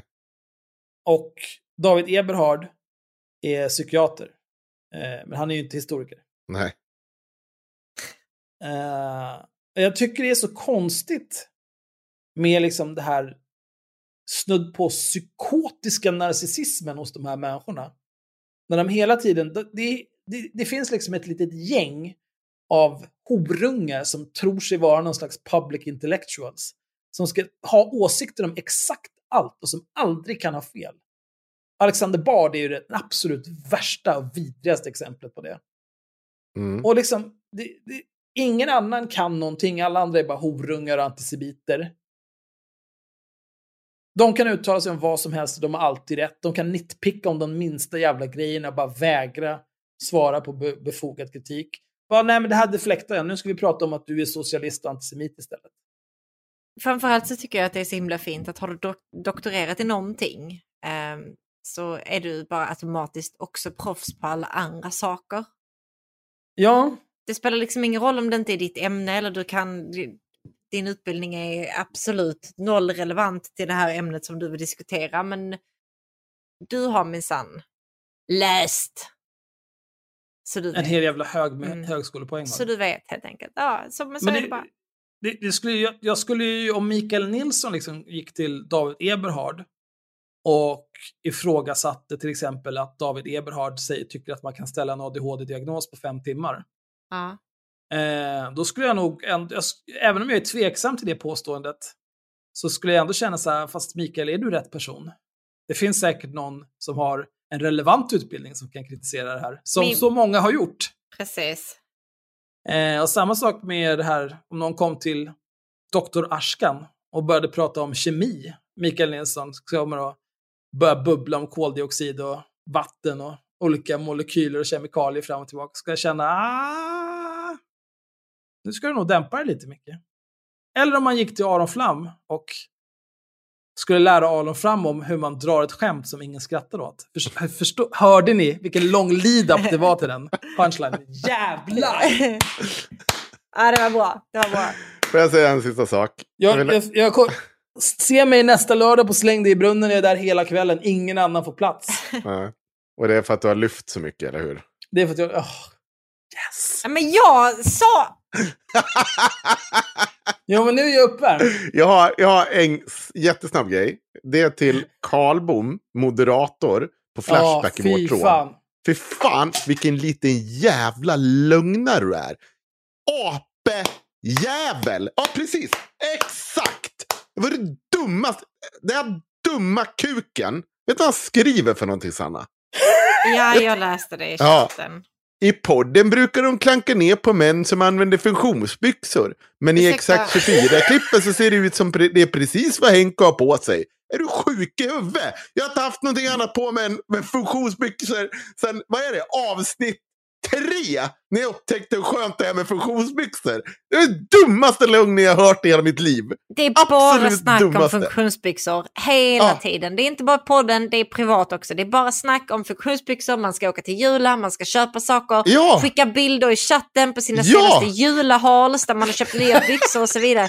Ni förstår inte hur mycket funktionsbyxor det är i detta umgänget som är haveristerna. Alltså, det har är så mejlats till Jula i syfte att få en rabattkod. det är så jag. Trasigt, det är så fucking trasigt. Så att säga att det har liksom mobbats folk som bär funktionsbyxor eller att eh, på något sätt funktionsbyxor inte skulle stödjas i detta sammanhanget.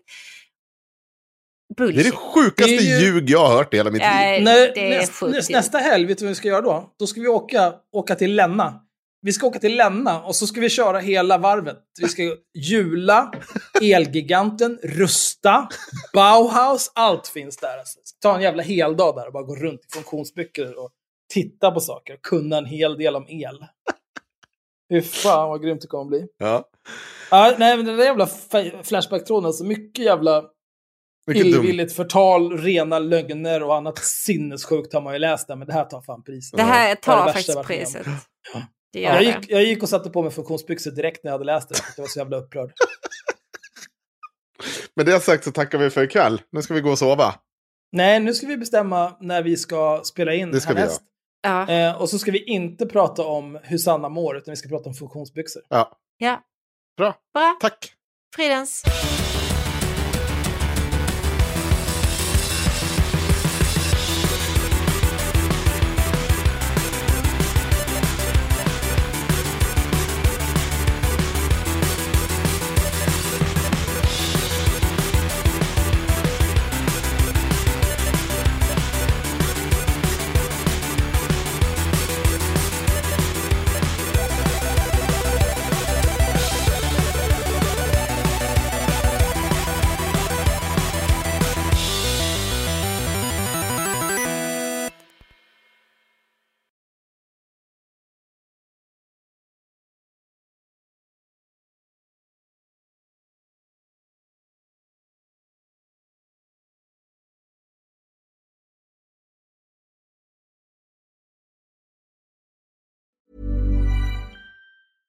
Ever catch yourself eating the same flavorless dinner three days in a row?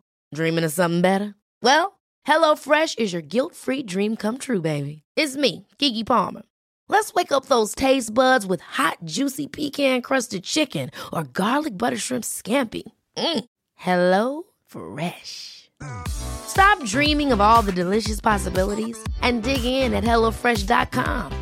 Let's get this dinner party started. Planning for your next trip? Elevate your travel style with Quince. Quince has all the jet setting essentials you'll want for your next getaway, like European linen, premium luggage options, buttery soft Italian leather bags, and so much more. And is all priced at 50 to 80% less than similar brands. Plus, Quince only works with factories that use safe and ethical manufacturing practices. Pack your bags with high-quality essentials you'll be wearing for vacations to come with Quince. Go to quince.com slash pack for free shipping and 365-day returns. Imagine the softest sheets you've ever felt. Now imagine them getting even softer over time. That's what you'll feel with Bowl and Branch's organic cotton sheets. In a recent customer survey, 96% replied that Bowl and Branch sheets get softer with every wash. Start getting your best night's sleep in these sheets that get softer and softer for years to come. Try their sheets with a 30-night guarantee. Plus, get 15% off your first order at bowlandbranch.com. Code BUTTERY. Exclusions apply. See site for details.